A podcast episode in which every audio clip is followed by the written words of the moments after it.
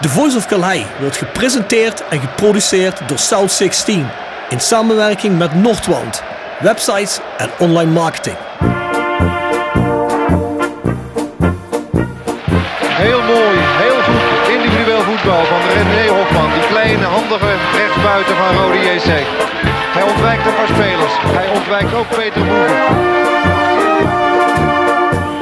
Zit duidelijk gat in die muur. Daar gaat Boerenbach doorheen. En hij scoort op schitterende wijze. 2-1 met een man minder.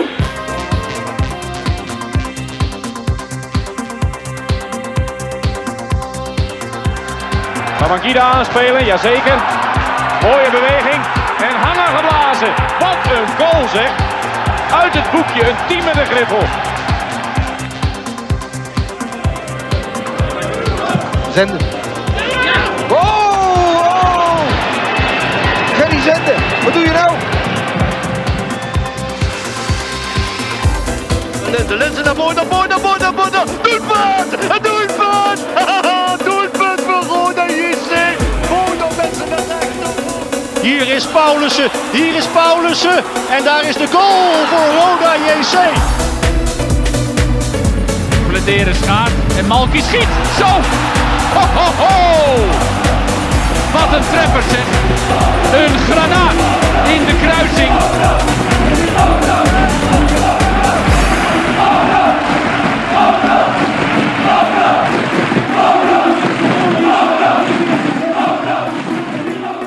Je luistert naar The Voice of Calais. Ja, goedemiddag Bjorn. We zijn uh, afgedaald in de krochten van het PLS voor deze. De persruimte, hè, Robbie, zitten we hier. Ja, Ja, op zich niet verkeerd, toch? Ik bedoel, eh, we vonden aan de koelkast die nog werkt. We hebben daar wat eh, flessen drank uitgehaald. Dus, eh, maar het feest kan niet op. het is toch mooi dat je hier Hennessy vindt, hè? Ja, vind ik wel. Ja, prachtig. Is dit eh, de befaamde persdinges waar eh, jouw grote vriend Korotai heeft van Nee, nee, nee. Nee, nee? dat was eh, boven de persruimte. Hè? Want toen mijn grote vriend Korotayev kwam, nou ja, toen waren er natuurlijk honderden mensen uitgelopen. Dus die passen hier niet in, hè? Oh, die past hier niet. En toen kwam Anelka nog daar naar binnen gelopen. Die, die, Zo'n man laat je niet hier naar binnen komen. Moet je wel een beetje in een stijlvolle omgeving doen, hè? Maar jij vindt dat de persruimte geen dartbord moet hebben? Eh, jawel, het is allemaal Michael Zuilen. Die zal hier toch wel een pijltje gooien vlak voor de wedstrijd, of niet? Ja, ja die zal wel wedstrijdjes doen kunnen. met, eh, met Jelle Klein en die gasten allemaal. Ja, hè? zeker, zeker. Nou, fantastisch. Je kunt ons vinden op Spotify, Amazon, iTunes, overal waar je ehm, ook maar een podcast kunt streamen of muziek kunt streamen. Dan vind je ook meestal podcasts. Dus ga daar kijken. Volg ons, dan krijg je altijd een signaaltje als de nieuwe online is. En dan maak je meteen je woensdag helemaal goed, als het goed is. We hebben ook nog de Voice Match Day. Hè? Die zit op petjeaf.com schuine streep naar voren de Voice of Calais. Nou, die kost iets minder dan de kop koffie per aflevering. Hè? Maar dat is alleen maar matchday content. Dan bespreken we de wedstrijden na, voorbesprekingen. Het is wel goed dat die niet met een Voice kort heet. Hè? Want deze keer was hij ook weer een uur en vijf minuten. Maar dat was hij vroeger al niet kort. Hey, da- daarom. Is, no- is nooit kort geweest. Ik denk dat de kortste ooit 35 minuten was. Is er, is er wel iets waar jij bij betrokken bent wat kort? Ja, misschien als ik jouw vrouw spreek. Die heeft het er wel vaak over. over erg kort. Maar, eh, maar niet als je aan het kletsen bent. Ja, jouw vrouw heeft er gek genoeg genoeg Nee, voor als er bij ik. je aankomt. Nee, dus, weet ik. eh, nou ja, goed. Maar ja, die vindt dat lekker, denk ik. Ik denk het ook. Ja. Kan ik me voorstellen. Ik, ik weet het wel zeker zelfs. hey, uh, South16.com is onze website. Wij zijn rodejc.nl en het Rode Museum in de Orlando Passage. Ja, daar werken wij veel mee samen. Dus ga ook naar de jongens toe. Wij zijn rodejc.nl is natuurlijk een website die open je in je browser. Daar zit ook het prikbord. Ik heb al lang geen screenshots meer gezien van het prikbord van jou. Waarom is dat? Is dat dan niks interessants meer op? Of? Ja, ik probeer er een beetje weg te blijven. Hè, want je wordt depressief als je daar gaat kijken. Hè? Dus om een door beetje... Ja, door de, alle, alle mededingen die daar gedaan worden. Of dacht, of dacht je soms dat daar stond van Hiep hoi, Robbie Servais binnen? Dat weet ik niet. Nee. Maar ja, dan hoef ik niet op het prikbord te kijken nee, nee. eigenlijk. Hè? Daarom. Nee, maar daarom, ja, dus, dat weet ik ook al, dus ga ik niet kijken. Oké, nou Maar als ja. er binnenkort wat goeds gezegd wordt over jou, dan uh, Over mij? Ja. dat betwijfel ik. Ultras Kerkel nog altijd op zoek naar een klushok. Ja, dat wordt maar niet gevonden, die ruimte. Heb jij niks? Uh, jij hebt een grote tuin, kan het niet bij jou? Ja, een tuin heb ik wel, ja. Of je moet met Melanie praten. Hè. Zij next door kapsalon, nagel en beauty salon uh, dichtgooit, ja, dan is er plek maar. Ja, dat zal de plek zijn. Maar die gaat ze niet dichtgooien. Nee, ik denk ik Maar niet. gaat Bart Eurlings aan haar knippen? Ja, precies. Ja. Ja. Bart die heeft, die heeft nogal een behoorlijke behandeling nodig, hè. Ja, die- Soleil heet dat geloof ik, hè. Van die blonde highlights wil die altijd in de ja, zomer. en er zit natuurlijk een tik autisme in Bart. Dus als die nou de kapper moet wisselen, dan is zijn leven Dan is die eh, helemaal uit het huisje. Ja, ja, dus dat gaan we niet doen. En voor de rest, er zijn nog twee wedstrijden die je thuis kunt bezoeken. Ga ervoor naar ticketshop.rodickerkrade.nl en koop er tickets voor. Volgens mij zijn ze online altijd 2,50 goedkoper. Dus voor de mensen die het eh, zo in de kassa te duur vinden, ga en bezoek de wedstrijd. Ja, Mo Telen zou nou zeggen, eh, hou eens op met dat politiek correcte gelul. Playoffs, dat is niks meer. Het seizoen is voorbij, zomeravond voetbal, ga lekker een biertje met je vrienden drinken. Maar vind ik een reden genoeg om een ticket te kopen. Ik denk dat Mo een punt heeft. Of ik nou ergens bij een dancing een, eh, een, een ticket koop ben, het komen een bier drinken of dat bureau. Dat Kijk, ik kom ook gewoon maar een stukje gezelligheid, een beetje ahoeren met je kameraden en een potje voetbal kijken, toch? Zeker, gaan we ook doen. Vers gebrande pinda's. Wordt gepresenteerd door Hotel Restaurant de Veilerhof. Boek een overnachting of ga heerlijk eten in het mooie bergdorpje Veilen. Voor boekingen ga naar www.veilerhof.nl. En door Rapi Autodemontage aan de Locht 70. Voor al uw auto-onderdelen en het betere sloopwerk. Al 40 jaar een begrip in Kerkrade. Tevens gesteund door Fandom Merchandising. Jouw ontwerper en leverancier van eigen sjaals, wimpels en andere merchandising. Voor sportclubs, carnavalsverenigingen en bedrijven. Al jarenlang vaste partner van de Rode JC Fanshop. Check onze site voor de mogelijkheden. www.fandom.nl Bjorn, de oplossing voor de prijsvraag eh, van vorige week. Ooit speelde Roda een cruciale wedstrijd tegen het toenmalig BVV Den Bosch. Roda scoorde drie keer. Wie scoorde er? Ja, ik heb een, eh, een appje gekregen meteen de volgende dag van eh, Ivo Kous. En die wist me dat te vertellen. Ja goed, die kan het ook allemaal dromen natuurlijk. Hè. Die heeft extreem veel videobeelden voor Roda JC. Weten jullie over de welke wedstrijd dit gaat? Weet je, heb je een jaar? Eh, Dat moet dan begin, begin jaren 90. begin jaren 90. Ja, ik ken de wedstrijd zelf niet, moet ik eerlijk zeggen. Nee? Nee. Was de halve finale voor de KNVB-beker. Ja? Daar scoorde in de reguliere tijd Bert Verhagen en Michel Boerenbach. Schitterende treffer trouwens, vrije trap in de kruising. En die troffen allebei in de laatste 7, 8 minuten, want Den Bosch stond 2-0 voor. Verlenging bleef het ook 2-2. En in de penaltyreeks was de enige rode JC die nog scoorde René Hofman.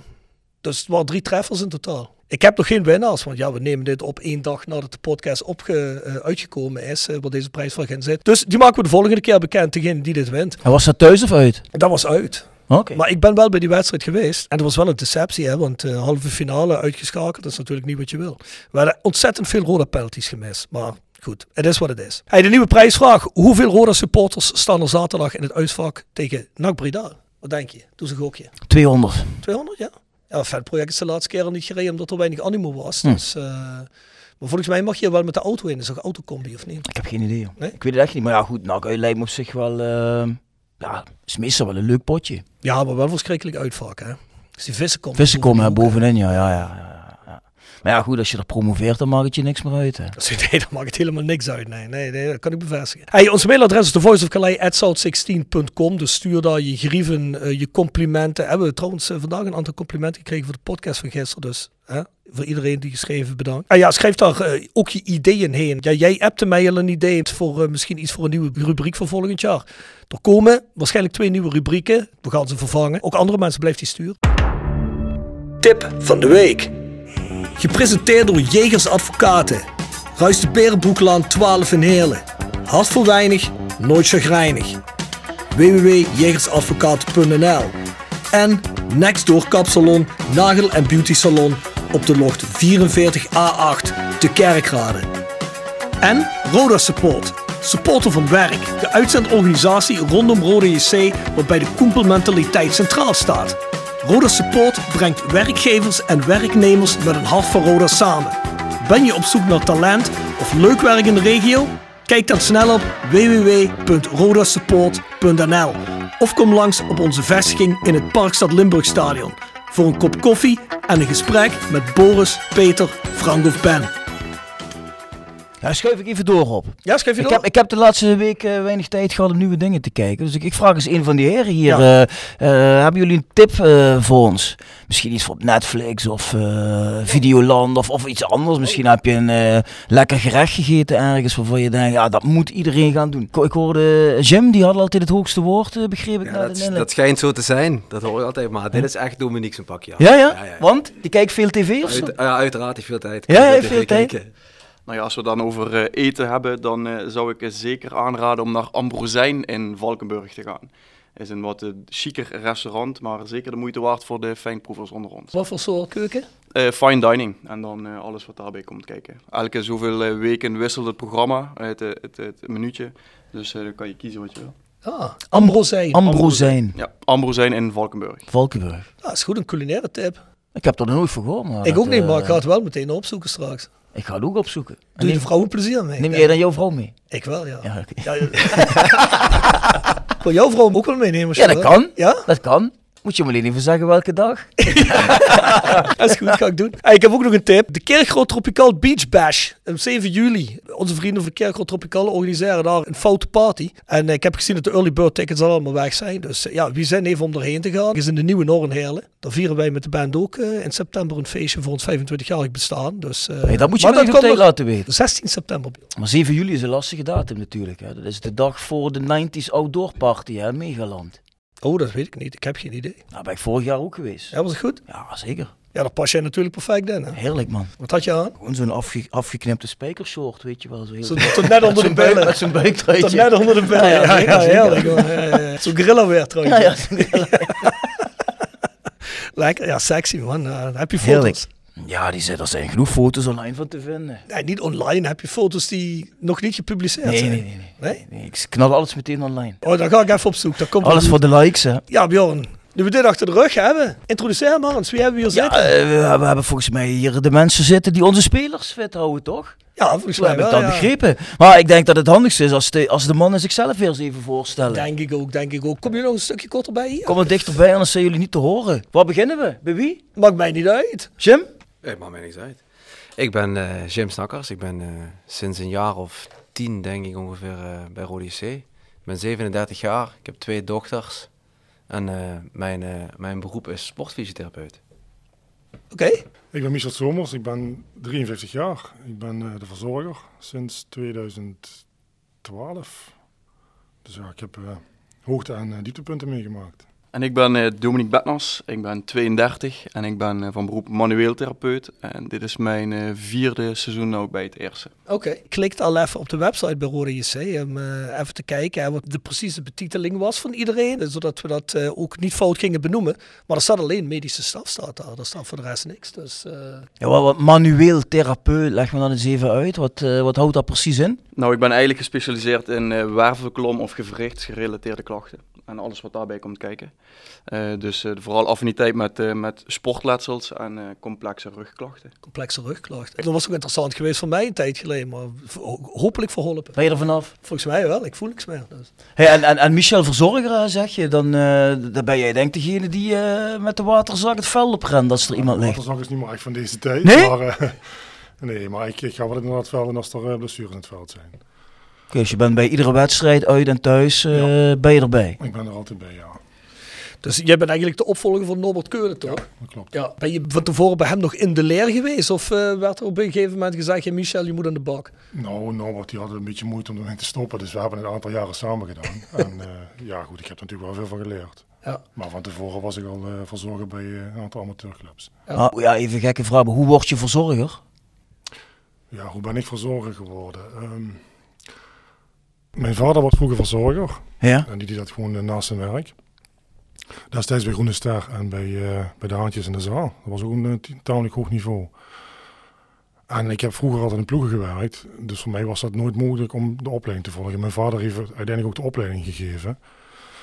Mijn vader is in 2000 helaas gestorven. En toen wilde ik de opleiding nog een keer doen. Want hij deed dat samen met een vriend van hem.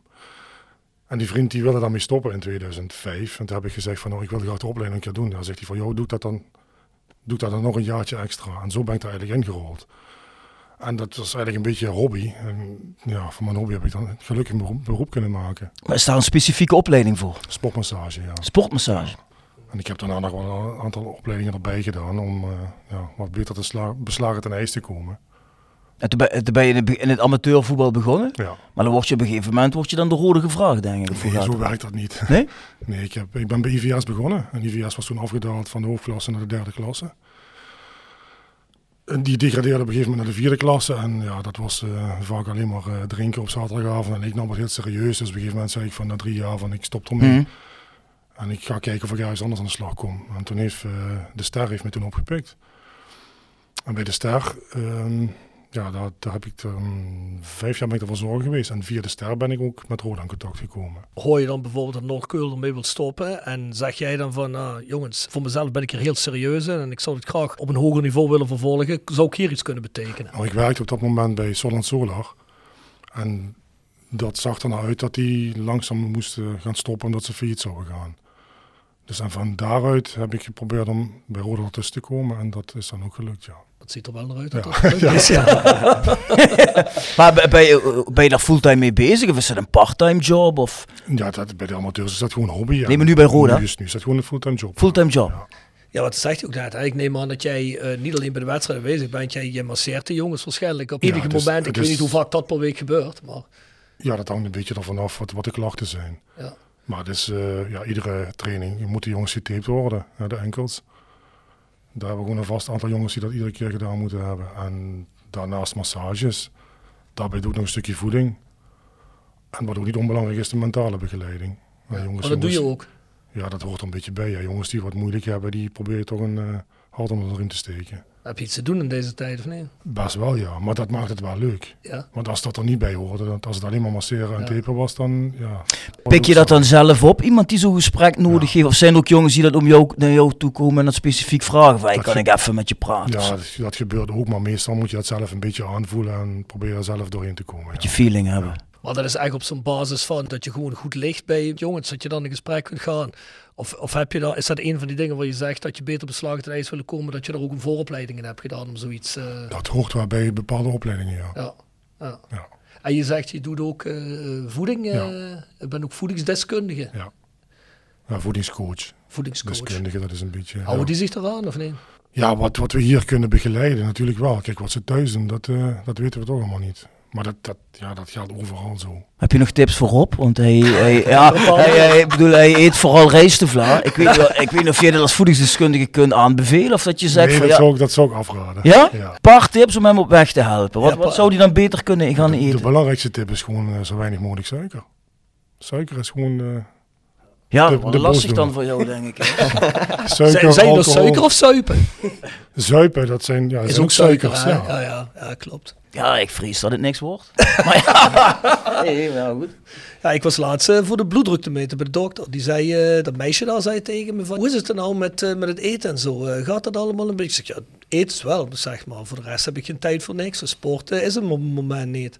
Hij vond het toch niet zo prettig. Nee? Nee, een paar kilo moeten eraf. Maar je hebt toch eens een tijd uh, Ik heb nog geen beachbody. of niet? Ja, ik heb acht jaar lang gebokst. Alleen, ja, Kom je niet meer aan toe? met die kleine, nee, kom er niet meer aan toe. Dus eh, ik heb ook een voedingscoach nodig, denk ik. Dus we moeten eens even gaan kijken. Dus. Wat zegt de vrouw daarvan dan? Of boeit haar dat ik zei, nee, ja, wat moet ze zeggen? Hè? Het houdt ze toch niet tegen. Dus, eh Nou, misschien dat ze zei, ik heb toch liever een man met een sixpack, uh, Rob, dus moeten ze... als even eens naar jou gekeken, maar zeg, ja, dat vind Nee? ik toch niks. Nou, nou, ik heb andere dingen gehoord. Maar goed, hey, wat heb jij voor achtergrond, Jim? Ik, eh, ik ben eh, in 2007 afgestudeerd als fysiotherapeut. Toen ben ik begonnen te werken bij een, in een eerste lijnspraktijk, gewoon zoals bijna iedere fysiotherapeut doet. Je kan natuurlijk ook in het ziekenhuis werken of in een revalidatiecentrum of zo, maar bij mij was dat de eerste lijnspraktijk. Toen heb ik eerst een jaar gewerkt om te kijken wat ik echt leuk vond. Bij mij zat, ik zat een beetje in tweestrijd. Ik vind manueel therapie heel interessant, maar ik vond sportfysiotherapie ook altijd heel erg leuk. Ehm, en toen uiteindelijk toch gekozen voor sportfysiotherapie. Me daarin gaan verbijzonderen en, en in de loop van de tijd in aanraking gekomen met Roda. Eigenlijk ook zeg maar een soort van vanzelf. Ik werkte bij de praktijk die de externe revalidatie deed. Dus jongens die langdurig geblesseerd waren, die kwamen dan bij mij revalideren.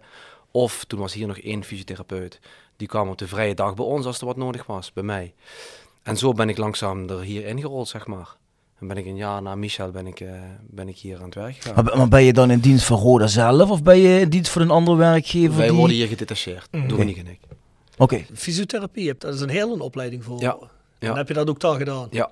Ja, oké. En de master heb ik dan gedaan in, eh, in Breda en in eh, Nijmegen. Of in Papendal, sorry. Oh ja, voor de specifieke Ja, sport. eh, exact, exact. fysiotherapie. exact. Ja, ja. En jij? Nou, voor mij eh, was het dus zo dat ik in 2014 ben afgestudeerd als fysiotherapeut, ook hier in Heerlen.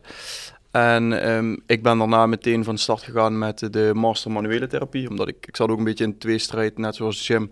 Ga je sport doen of ga je manueel doen? Nou, ik had als vooropleiding had ik het CIOS gedaan, dus ik had het idee dat ik met sport dat ik al eh, wat kennis had mogen vergaren. En ik dacht van, nou, manuele therapie is daarin dan een iets, eh, voor mij dan een iets eh, bijzondere specialisatie. Eh, en die heb ik toen in, in Amersfoort heb ik die gedaan. Ehm, het is nu bijna tien jaar ben ik eh, eh, hier in de praktijk in het stadion ben ik eh, werkzaam. En jullie werken allebei voor Stofberg? Yes. Dat is ook al heel lang betrokken bij Roda als, als kliniek, hè? of als, als praktijk. Hè? Ja, dat klopt. Dat is eigenlijk de, de opvolger van, eh, van eh, Hans Wiltenburg. Degene die ook die praktijk begonnen is in de, in de praktijk. Dus de, verzor- de, de fysiotherapeut die hier van tevoren, ik denk... Mm. 15 jaar heeft gezeten. Ja, dan heb je de naam genoemd, Stofberg. Ik bedoel, kunnen jullie nou ook regelen dat, eh, dat Stofberg gaat sponsoren, de, de, de podcast? Denk ik toch wel, toch? Ja, ik denk wel dat wij eh, Randy een, eh, een verzoek kunnen sturen bij deze. Ja, Dus, eh, dat gaan kun je we- gewoon een tikje sturen. Ja, ja. Voor het seizoen. Zeker. Weet je, ja. Hier komt tik-tak. Dat is gratis reclame. Ja, ja, ja. ja tuurlijk. Nee, ja, ja, Stofberg moet wel iets gaan doen. Hè? Ja, dat vind ik ah, wel. jawel, vind ik wel. doen. Ja, daar zijn wij het volledig mee eens. Ah, nou, kijk, Ja. kijk, kijk. Hey, ja, maar, maar waren jullie van tevoren ook supporter van Roda? Of, of hebben jullie zelf ook eh, gevoetbald? eh, of een affiniteit Of met voetbal je club? nog? Uiteraard. Overal, op al die vragen eh, kan ik eh, ja, Ja? antwoorden, ja. Dus je was als supporter van Roda, zeg Ja, maar, van tevoren. Ja, ja. En zelf ook gespeeld? Ja, zeker, zeker. Alleen ik, eh, mijn, eh, mijn talent houdt niet over, laten we het daar eh, Nee? over eens zijn. Waar heb je gevoetbald? Ik heb, ben begonnen vroeger bij Limburgia. Ehm, totdat dat failliet ging. Dat ging fuseren met BSV Limburgia. En ik, ik woonde eh, op Heerle Heide. Dus ben ik van Limburgia ben ik naar de Langeberg gegaan. Daar gevoetbald tot de A'tjes. En toen was ik nog B-junior. En toen hield daar de A op te bestaan. En toen moest ik eigenlijk naar de senioren kon ik bij de Langeberg. Maar toen dacht ik, ja, ik ging liefst nog op zaterdag op stap met mijn vrienden. En dan moest ik op zondag gaan voetballen en zo. Dat vond ik niks. Dus toen heb ik twee jaar bij Groene Ster gevoetbald op de A. En eh, daar was ik niet goed genoeg voor het eerste. En toen was er een speler van het eerste die werd trainer bij Heidebloem in Geleen. Dus daar ging ik, ben ik mee gaan voetballen. Toen heb ik twee jaar bij Heidebloem gevoetbald. En toen uiteindelijk ben ik bij, eh bij NEC gaan voetballen met, met mijn vrienden op, eh op, eh op Nieuweinde. Nieuw einde, ja. Ja, en dat voetbal ik nu nog steeds. ja. En, jullie twee dan? Hebben jullie gevoetbald? Nou, ik heb nooit gevoetbald. Ehm, mijn vader had wel altijd de seizoenskaart van Roda, dus ik ging vanaf kleins af aan ging ik, ging ik mee. Maar ik kom eigenlijk uit, de uit de vechtsportwereld, dus ik heb, eh, Heel wat voor vechtsport? ik heb eh, vroeger taekwondo gedaan en ik heb nog een hele tijd eh, kickboksen eh beoefend. Welke sportschool? Eh, Maha Coaching, die zit hier op de, op de Roda Boulevard ook. Die heeft ook wel eens training gegeven aan de, eh, aan de jongens van het eerste. Dit seizoen, eh, meen ik. Te, eh, dit seizoen Ja, toch? zeker. zeker. Ah, interessant, interessant. Weer gratis reclame, weer een tikkie. Ja, ik ga het wel tikken. Nou, dat worden- maar er worden veel ik, ik, zoek, tikjes, ik eh. zoek nog wel altijd een, eh, een nieuwe sportschool. Dus, eh Een Ah, sportschool? kla- klassie- klassiek boksen, geen kickboksen. Ah, er wordt ook nog wel eh, klassieke boksen gegeven. Alleen is maar weinig lessen, denk ik. Ik denk maar eentje per week. Vooral kickboksen heeft, eh, heeft de hoofdmoot eh, natuurlijk. Nederlands kickboksland, hè, ja. Ja, zeker weten. En jij, de Michel, ben jij nog actief? Mm, Nee, sinds een jaar niet meer. Ik, ben, eh, ik heb op het veld in de jeugd gevoetbald. En daarna heb ik hoofdzakelijk immer in de zaal ja, gekiept eigenlijk. En het laatste heb ik eh, bij Soleil nog gekiept, samen met, eh, met Gerzande. Oh, ja? ja, ja, dat is dat ook leuk. ja, een beetje oud spelers allemaal. Dat was Toch is zaalvoetbal ook een leuke Ja, sport, dat is hè? hartstikke leuk. Dat is leuk Ja, om te doen. keeper zijn. Ah ja, ik vond het vroeger ook leuk, maar het was altijd een beetje moeilijk met op het veld te combineren. En ik weet altijd dat je, als je op het veld voetbalde en je zei dan dat je zelf voetballen, waren ze nooit blij mee, trainers. Zelfs een zaalvoetbalveld, iemand die zo goed is als jou, is dat toch best grote afstand die moet overbruggen, of niet? Ja, valt best wel mee. Nee, valt wel mee? Zo'n zaal is best wel klein. Nou, dat weet ik toch niet. Maar ik hoor. moet zeggen, kijk, ik, ik was een beetje ja, heel erg bewegelijk type. Hè? Een beetje ja? kort draaien, ben, maar ik had nooit last van blessures. Wanneer is dat veranderd dan? Nooit. Oh, Dat, is, dat ben ik nu nog. Ik kan zo bij een vierde klas op het veld gaan staan en speel ik zo mee. ik Dat is geen enkel probleem. Ik ben benieuwd. Ja, nee, dat is zo. Ja? Ik draai nog altijd heel kort weg. Bij Kerkrade West voetbal je dan niet meer dan? Nee, ik geef nog alleen trainingen. Alleen training. Maar alleen trainer nog. Maar je kunt nog alles voordoen. Alles. Alles. Netjes, netjes. Mannen, ik neem aan dat er een bepaalde samenwerking tussen jullie uiteraard. Hè, want eh, het, zal, het zal geen losse eilandjes zijn. Maar hoe gaat het in zijn werk? Hoe communiceren en coördineren jullie onder elkaar? Nou ja, het is niet zo heel moeilijk. Wij, wij werken in één, in, één, in één ruimte, dus we zijn altijd samen. Dus wij hoeven niet echt heel veel te overleggen, want we zien alles van elkaar. Oké. En mochten er dingen buiten werktijd zijn, dan hebben we een groepsappje. Daar gooien we dan altijd alles in, zodat iedereen op de hoogte is van alles. Mhm. En het werkt eigenlijk hartstikke goed. En zijn, zijn jullie twee er ook de hele dag? Ik, ben- ik ben er, e- één van ons twee is er altijd bij. Dus we zijn altijd minimaal met z'n tweeën en bepaalde momenten in de week zijn we met z'n Oké. En hoe gaat de communicatie met de technische staf? goed. Dat is hartstikke goed, dat moet ik eerlijk zeggen. We zitten tegenover elkaar. We hebben elke ochtend eh, spreken we alles door, zeg maar, alle, de huidige stand van zaken.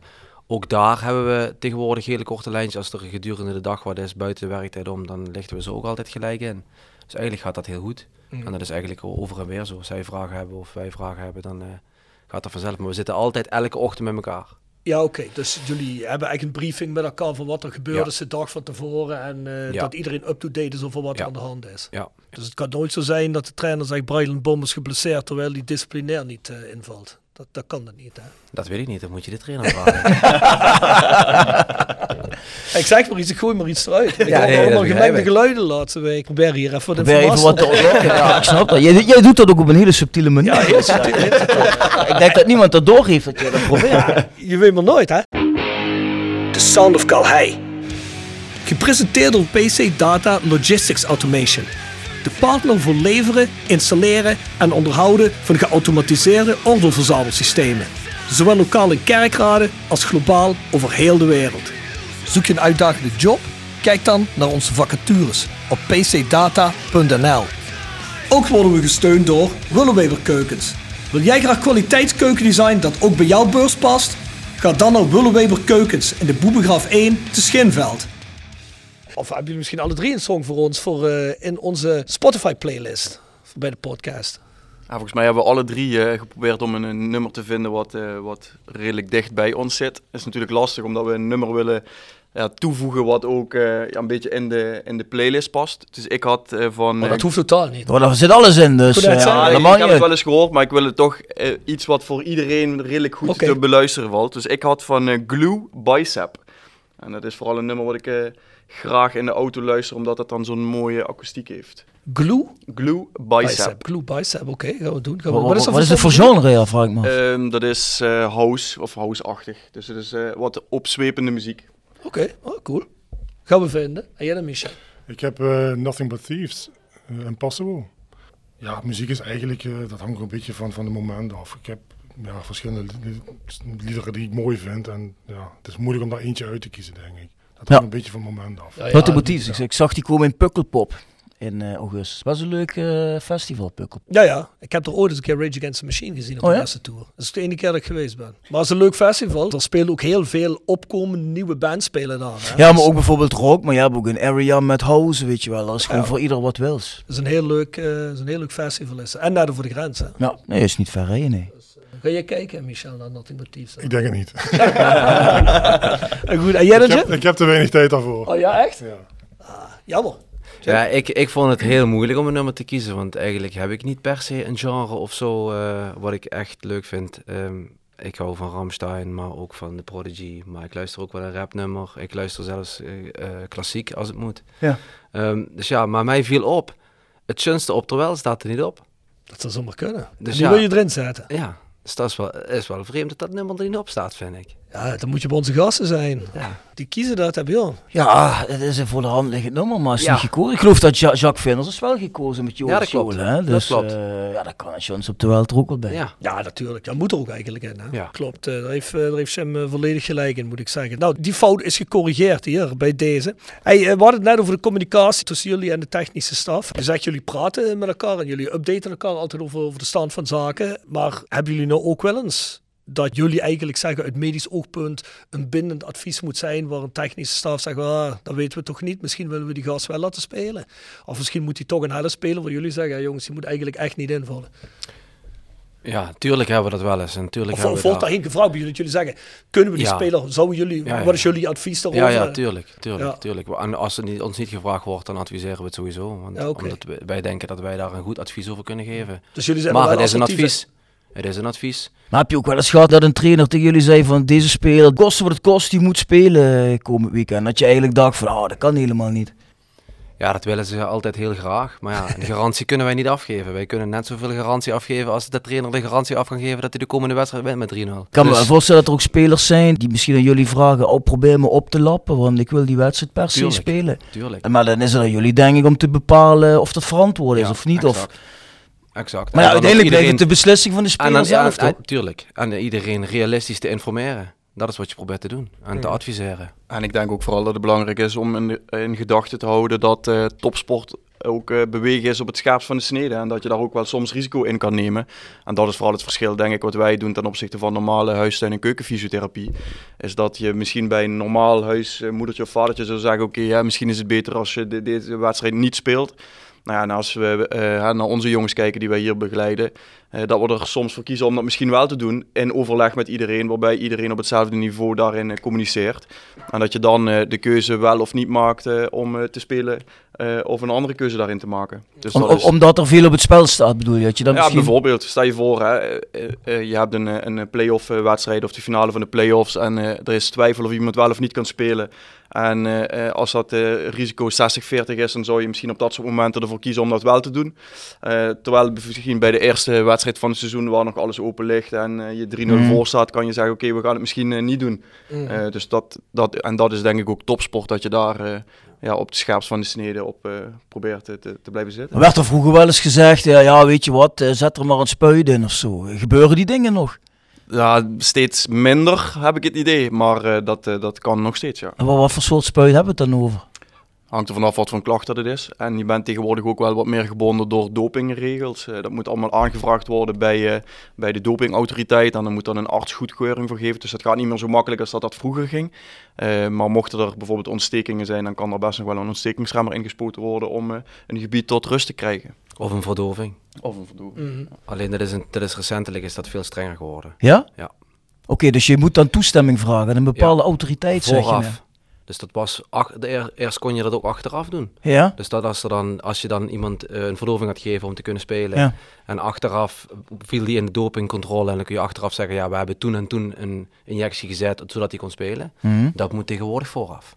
En hoe groot is dan de kans dat je die toestemming krijgt? Ja, dat is een goede vraag. Nou ja, als een arts dat kan onderbouwen, eh, dan kan dat in vele gevallen, als het stofje wat ingespoten wordt niet per se eh, prestatiebevorderend is, dan zal dat wel eh, een goedkeuring krijgen. Eh, dus een arts kan dat best wel goed onderbouwen. Alleen ja, als er prestatiebevorderende middelen, dan wordt dat natuurlijk een stuk lastiger, maar dat gebeurt ook niet. In ieder geval niet dat wij dat weten. Maar jullie hebben hier niet eh, spelers rondlopen waar je zegt, oh, komt die weer, hey, dat moet je niet eten, man. Nee? Stilte is veelzeggend. Ik zie dat Michel hier vol op de lippen Er zijn natuurlijk wel jongens die een beetje te zwaar zijn. Die weten ook wel waar, waar hun problemen liggen, ja. Ja. Maar ja, goed, kijk naar jullie zelf. Ja. Nee, nee, maar ik- dat komt wel. Dat- Hoe bedoel je dit, Michel? ja. Sommige jongens hebben daar heel veel moeite mee. Nou ja, dat is ook zo. Ja, ja, als je natuurlijk op jezelf ergens gaat wonen, hè, terwijl de vroeger moeder voor ik denk je dat hij eerder Niek bedoelt. Ja, nee, maar ja, dat, ja, dat weet ik niet. Misschien niet dit seizoen, maar Niek was in het begin had hij toch wel misschien soms hier en daar een kilootje te veel. Hè? En Rodi of niet? Ja, Rodi ook wel een En. Arjen, Arjen ziet ook niet heel afgetraind Dat uit. ik. niet. Dan, kijk maar eens goed. Dan eh, vraag hem de volgende keer maar eens om eh, zijn shirt omhoog te doen. Ik denk dat je je vergist. Ja. Oh ja? Ja, zeker. zeker. Ten opzichte van het begin van het seizoen naar nu is eh, echt een eh, drastische verandering. Oké. Hey, maar dat er nog niemand doping heeft, dat heeft Niek goed gedaan. Hè? Dat dat weet, weet het. eh, hè? Goed gedaan. Ik vind het verrassend dat eh, we er doorheen gerold zijn. Ja, ja, fantastisch. hoor. Hey, het is wat het is. Hey, maar met welke technische staf hebben jullie nou door de jaren heen dat je dacht van, boah, dat is echt... eh, of is er überhaupt een technische staf geweest van jullie dacht, boah, dat is niet goed uh, kirschen essen met deze mensen hier. eh. Ik denk, dat ik, deze, ik denk dat ik deze even naar Jim eh, doorschuif. Nou, volgens mij Ja, we zien een veel, veel, veel zeggend Ja, eh, nog, onder Het is de... jammer dat de mensen geen beeld hebben. Ja. Ja. geluid. Ja, het, het, ligt er maar, het ligt er maar net aan hoe je dat, eh, hoe, je- hoe je dat zou willen zeggen. Maar dat, natuurlijk zijn er weerstanden. Want wij hebben natuurlijk tegenstrijdige belangen. Wij wij doen er alles aan om iedereen zo fit mogelijk te houden en om fit te houden. En die trainer moet elke week winnen. Ja. Dus ja, die trainer wil altijd zijn beste spelers opstellen. Dus dat, is, dus dat, dat, kan, wel, dat, kan wel eens, eh, dat kan wel eens knallen, ja. Maar met wie heeft het geknald? Jean-Paul de Jong gok ik. Jean-Paul de Jong. Ik gooi. Kalasic. Nee. Kalasic? Nee, eigenlijk helemaal Nee? niet. Ja, Jean-Paul de Jong wel. niet. Ja, die was moeilijk, denk ik. Hij kwam in ieder geval, eh, naar buiten toe kwam hij over alsof hij niet de gemakkelijkste man was om mee te communiceren. Ik had vooral het idee dat hij vertrouwen miste in, ons, in, of in, in onze vaardigheden. En dat het daarom zeg maar, eh, wat moeizamer verliep dan met andere trainers. Dus hij nam jullie niet serieus, om het maar heel bot te zeggen. Ja, Ja, maar zo kwam het wel, zo, zo kwam het wel soms Hij nam niemand serieus. Nee, precies. Hij was wel een man die met iedereen eh, moeilijk lag natuurlijk. Hè? Een beetje af voor de be- Jij hebt er ook een beetje last van. Nee, maar, nee, maar dat is zo. De meeste mensen vinden met, met, met mij altijd fijn communiceren. Maar met, met hem, van- van, ja, is Rob er dan bij? Weet je wel. Ja, dat is gewoon die de is er helaas altijd bij. de ja. aard van het beestje. Ja, Ja, dat doe je nee, maar, aan. nee, maar ik kan me wel voorstellen dat als jij trainer wordt bij een club en jij niet eh, bereid bent om open te staan voor iedereen om mee eh, fatsoenlijk samen te werken. Want volgens mij was dat bij Jean-Paul de Jong al redelijk snel. Hè? Tenminste, dat hoorden we toch eh, van verschillende richtingen. Ja, dat, dat, dat, dat kan dan toch ook niet functioneren op de lange duur. Nee, als je, als je intensief met mensen moet samenwerken en dat eh, klinkt niet of je hebt geen vertrouwen over en weer in elkaar, dan worden het moeilijke Nee, ja, verhoudingen. als je elke morgen met die jongens samen zit Ja. en, en jij moet een gesprek hebben, dan zit iemand tegenover je die al meteen van tevoren denkt van ja, wat die gasten vertellen interesseert me sowieso niet, want dat neem ik niet serieus. Dat lijkt me dan moeilijk. Dus Jean-Paul de Jong was de moeilijkste. Ja, in ieder geval voor mij wel, maar dat was ook mijn eh, eerste trainer. Dus dat was ook een, eh, een goede binnenkomer, moet ik wel eh, eerlijk zeggen. En toen, toen was je natuurlijk ook een stukje jonger nog. Ja, ja, in ieder geval eh, vier jaar jonger. Ja, en eh, je was nu 32, zei je. Denk je dat dat dan ligt aan eh, dat hij denkt van, eh, ja, die jongen is 28, wat heeft hij me te vertellen? Nou, het was vooral het, het, het, dat ik geen profvoetballer was geweest. Dat was voor hem wel een, een dingetje. En wat als fysiotherapeut? Ja, ja, ja. wat Maar goed, ik gaf aan dat hij dan... Hij, ja, hij had niet gestudeerd, vond ik. Dus ja, dan was een beetje... Dat was meteen de eerste dag was de, de kloof al geslagen, zeg maar. Dus Eh, da daar ging het gesprek al over meteen de eerste dag. ja, ja, ja. dit was op de eerste dag dat hij zei van, jij bent Nou, geen was- profvoetballer ik- geweest. Dit verhaal zal ik wel, eh, zal ik wel zo vertellen. Ehm, Jim die, ehm, ehm, die ging toen op vakantie, dus ik was eh, drie weken volledig daar. Dus het was mijn eerste dag eh, bij, de, bij de club, bij het eerste. En dan ging het over iets, eh, over medisch van een jongen, ik weet niet eens meer over wie dat het ging. Ehm, en Jean-Paul die, eh, die had toen het idee dat, nou, dat wat ik aangaf, dat dat eh, niet strookte met zijn ideeën daarover. En eh, dat, dat, ja, dat ik dat niet kon beoordelen omdat ik geen profvoetballer was geweest. Nou ja, dat eh, klopt 100%, want ik ben geen profvoetballer geweest. Maar goed, ik heb wel het idee dat ik ervoor gestudeerd had. Dus dat weerlegde ik met, eh, met dat argument. Dus toen was al meteen het eerste scheurtje in onze, ja, in onze communicatie was al, zeg maar, ontstaan. Ja.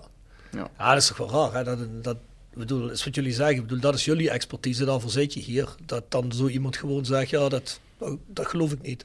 Nou goed, ik kan hem ook aan de andere kant kan ik me het ook wel heel erg goed voorstellen. In die zin, we hebben met eh, Jurgen Streppel bijvoorbeeld hebben we heel erg goed contact gehad. En, eh, en hij gaf dan ook aan hoe het bij andere clubs was gegaan met fysiotherapeuten. En dat dat niveau ook heel erg wisselend is natuurlijk. Dus je moet daar ook zelf eh, ehm, als trainer zijn, denk ik, vaardiger in worden om situaties in te schatten. Eh, maar goed, als jij hele slechte ervaring met fysiotherapeuten hebt gehad over adviezen wat hun gaven en dat bleek achteraf niet te kloppen, dan kan ik me voorstellen dat je daar misschien wat argwanender in wordt. En dan is dat natuurlijk altijd maar aftasten eh, wat voor niveau eh, van medische staf of stafleden dat jij daar voor je hebt zitten. Dus dit is Dus voor wat- jullie ook elke keer weer jezelf moeten bewijzen eigenlijk bij een nieuwe Ja, ja. trainer. Ja, zeker. Ja. zeker. En is dat extra moeilijk voor jou, Michel? Omdat jij natuurlijk echt, ook rond de wedstrijden, echt rond dat team zit. Ja, misschien is het voor mij iets makkelijker omdat ik er iedere dag bij ben en ik er dichterop zit. Maar ja, dat is natuurlijk iedere keer afwachten wat, wat er voor nieuwe trainer binnenkomt. Ja. Ja, dat kan ik me voorstellen. Want jullie zijn natuurlijk wel, eh, in tegenstelling tot veel spelers en andere mensen rond de club, zijn jullie natuurlijk wel mensen die hier al jaar in jaar uit zitten natuurlijk. Hè? Wat spelers aangaat, jullie hebben natuurlijk ook direct met spelers te maken hè, in allerlei situaties. Eh, Hebben jullie ook wel spelers die echt helemaal niet naar jullie advies luisteren? Waarvan je denkt van ja jongen, ehm, Ehm, nou, dat valt eerlijk gezegd wel mee. ja. Ja. Ja, ja ik bedoel, ik me vind het niet- logisch als je het wel ik kan, me, ik, kan me niet, ik kan me niet snel iemand, iemand... We hebben er natuurlijk wel gesprekken over en, en ook wel discussies over. Want ja, jongens vinden het soms ook moeilijk dat ze een keer niet kunnen spelen. En wij denken, nou, je kan het misschien beter een keertje niet doen, want dat betekent dit en dit en net. Daar heb je wel gesprekken over. Eh, maar ik kan me niet echt iemand herinneren die zegt van... Ja, nou, nou, daar luister ik helemaal niet naar. Slaag in de wind, ik doe wat ik wil, eh, Hmm. de groeten. Maar het is eigenlijk ook een beetje hetzelfde verhaal als, eh, als met een trainer die komt. Zo'n speler die heeft natuurlijk ook een medische staf van tevoren bij andere clubs meegemaakt. Die heeft daar tips, adviezen, meningen ge- meegekregen voor zijn voetbalcarrière. En die komt dan hier en die moet dan ook eerst aftasten hè, wat, wat, wat wij voor een niveau hebben. En of, of die zich daarin kan vinden, ja of nee. En eigenlijk in de gaandeweg van een seizoen wordt dat altijd eh, steeds beter en beter. En eh, ja, vertrouwen ze daar steeds meer op. Hopelijk, als het goed is. Ja, heb ik zelf natuurlijk ook een tijd gevoetbald. Maar eh, ja, dat herken je misschien wel. Dat, dat, je, soms had je in een, in, in, in een selectie ook altijd een speler waarvan je dacht, ah, hij heeft wel wat. Weet je wel, eh, hij heeft weer twee keer getraind en opeens moet hij weer eh, zes dagen op de massagetafel liggen. Wat, wat een watje. Hebben jullie dat ook eh, bij Roda meegemaakt? Dat soort jongens die altijd iets hadden waarvan je dacht van, ja kom op, de kat dan niet serieus dat je nou weer een pijntje hebt. Ja, in het verleden wel, maar de laatste jaren eigenlijk niet meer. En dat, dat komt ook omdat we er anders mee omgaan, denk ik. Kijk, ze hoeven niet voor, voor ontspanningsmassages en zo te komen bij ons. Als ze wat hebben, kunnen ze komen, maar niet voor, niet voor onzin. En dat weten ze ook. Als we ze gewoon naar de thai-massage op doen. Ja. Ja, bijvoorbeeld. Ja, ja. Maar die jongere generatie spelers nemen die zichzelf echt heel serieus wat dat aangaat, dat hele fysieke? Of, of is dat, zijn die meer met het voetbal bezig als met eh, ook een, eh, zichzelf optimaal fysiek in vorm te houden? Ik denk dat dat wel steeds professioneler wordt, als ik heel eerlijk ben. Dat kan ook niet anders, want er wordt steeds meer van je gevraagd. Mm. Als je dat niet doet, val je af. Dus Ja. dat, je moet fysiek ver boven gemiddeld zijn om dit überhaupt te kunnen. Maar, maar, maar krijgt zo'n jongen daar ook hulp bij? Want ik kan me voorstellen, eh, Arjen van der Heijden kom je in Heerenveen, je hebt altijd bij je moeder gewoond en opeens zit je hier ergens in een appartement. Ja, misschien eh, weet je helemaal niet hoe je zelf moet koken of wat je moet eten. Hoe, hoe wordt zo'n jongen daarin begeleid dan? Precies, dat, dat, dat zijn die jongens waar wij dus wat meer eh, aandacht aan besteden. Ja, maar hoe doe je dat? Ga, ga je dan met hem naar de supermarkt van, kijk, dit moet je kopen, dit niet en zo Nou, bereid kijk, je wij, het? Wij eten iedere dag op de club. En Ja. Ja. ik vind dat moet gewoon altijd verantwoord zijn. Dat moet gewoon altijd gezond zijn. Dat die jongens weten wat ook goed is. Als wij hier troep neerzetten, denken jongens van dat kunnen we thuis ook eten, want dat is goed. Ja. Dus daar begint het. Ja. Ja, verder proberen ze nog wat te begeleiden van hè, hoe ze de hele omgang met alles en iedereen hier. Hè. Zoals Arjan bijvoorbeeld, ja, die, die komt eh, ja, van Friesland af. Dat is, dat is een heel eind uit de buurt van hem Ja, natuurlijk. precies. Dus dat is best moeilijk. Ja, daar moet je inderdaad wel wat meer aandacht aan besteden in het begin. Oké. Dat zijn wel dingen die wij, wij oppakken. Geef je de jongens dan ook eventueel een, eh, een, een schemaatje mee voor, eh, voor, voor- voor bijvoorbeeld hoeveel calorieën of wat per se niet te eten, een lijstje of zo? Of, eh, Nee, ik, ik werk niet met schema's. Ik probeer jongens duidelijk te maken en op te leiden wat ze moeten eten, wat gezond is en wat niet. Kijk, je kan een lijstje maken voor twee weken. En die twee weken is een om, wat gaan ze dan eten? Ja, ja. Vallen ze dan weer terug op de eerste dag of moet ik dan weer een nieuw lijstje maken? Nee, ze moeten, moeten zelf leren wat goed voor ze is. ja, ja. Maar, maar, ook, maar aan. ook zo'n jongen mag toch wel eens een keer naar de McDonald's gaan, neem ik aan. Natuurlijk, natuurlijk. Ik, ik, het is ook niet allemaal afkeur. Zijn daar regels voor? Of is, ja, of- Nee, in principe, kijk, als je 80% gezond eet en 20% ongezond, is het prima. Als je 100% gezond is, nog beter, maar je moet ook een beetje leven, zeg ik altijd. ja. Ik kan me ook voorstellen, joh, kijk als je wel eens een biertje drinkt. Hè, kijk, misschien als je de top, top, top speelt, weet ik veel wat, dan he- maakt dat misschien nog een verschil. Maar als jij, hoeveel trainen die jongens per week? Vijf keer, zes keer? Ja, vijf trainingen plus één wedstrijd. Ja, Ja, ligt eraan of we het- minimaal. minimaal. Of als we twee keer, twee keer trainen per dag, wat ook nog wel eens kan, dan eh, zijn het er meer. ja ik bedoel, dat is, dat is best wel intensief. Misschien is de ene training zal intensiever zijn dan de andere, maar dat heb je er toch zo weer af. Nee, als je ja, verantwoord eet en als je Ja, denkt, dat is... Als je een Big Mac dan één keer eet, dan heb je die de dag erna eraf getraind, toch? Ik bedoel, mijn bokstrainer zei altijd tegen mij en tegen een maat van mij in Duits, zei hij altijd, jullie twee, jullie komen wel vier keer per week trainen, maar ik heb vermoeden dat jullie trainen zodat jullie weekend kunnen zuipen. Had hij niet helemaal ongelijk? Nee, nee, nee. nee. Er, zat een, er zat een kern van waarheid in natuurlijk. van Dat in, snap ik. Eh, heb je nog een rubriekje voor de ja, mannen? zeker, maar natuurlijk. Jonas Jo wordt gepresenteerd door RodaJC.goals. Het Instagram-account voor je dagelijkse portie Roda-content. Iedere dag een doelpunt uit onze rijke historie. Van Aruna Kone tot Shane Hanze. Van Bob Peters tot Dick Nanninga. Volg RodaJC.goals op Instagram. Tevens gesteund door Metaalgieterij van Gilst. Sinds 1948 uw plek voor gietwerk in brons. Van brons, van Gilst. Hebben jullie voor ons een, eh, een legendarische Roda goal of een Roda goal die je heel mooi vond of, van, of wat voor jezelf een bepaalde waarde heeft? Nou ja, voor mij was eh, de, de goal van Tom van Hiefte voor eh, promotie was voor mij de meest memorabele. Die wat ik me kan herinneren in ieder geval actief. De rest ook nog? Of, eh, Ja, ik heb eigenlijk twee doelpunten uit één wedstrijd. Laat horen. De play-offs tegen Sparta. Vladeris tweemaal. allemaal play-offs, mooi.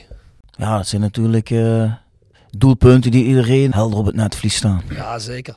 En jij Jim, heb jij Ik had, ik, ik had ook het doel- het doelpunt van Tom zeker en het doelpunt van Mitchell daar vooraf, want dat is volgens mij net zo belangrijk. Ah, ja. Alleen dat wordt natuurlijk niet snel benoemd, want ja, ik denk dat, we, dat wij daarom weer in die wedstrijd komen. Maar hier thuis, de kopbal van Derrel tegen MVV, lijkt me ook niet, eh die Ah, ja. bestaat ook niet, denk ik. Ja, En op de een of andere manier komt hij volgens mij ook niet zo vaak voor. Nee, die komt niet zo vaak voor. De doelpunten die, eh, die jullie noemen, die heeft iedereen helder op het, op het netvlies staan. En die worden wel eens genoemd, hè. Maar het eh, doelpunt van Daryl Werkers is volgens mij nog nooit genoemd, hè.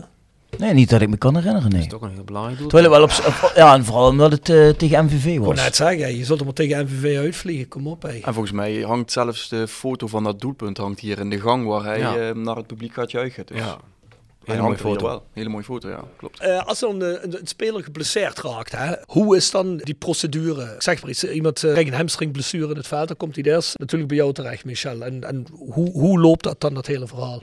Ja, goed, dan kijk ik of hij verder kan spelen of niet. En als dat niet het geval is, dan gaat hij met mij mee het veld af. En dan overhandig ik hem aan eh, Jim of aan Dominique en die gaan ermee naar binnen en gaan ermee meteen aan de slag. Dus jullie zitten alle drie in de dugout, zeg Nee, maar. Of Jim, of wij zitten met z'n tweeën. Ja. Of met z'n tweeën.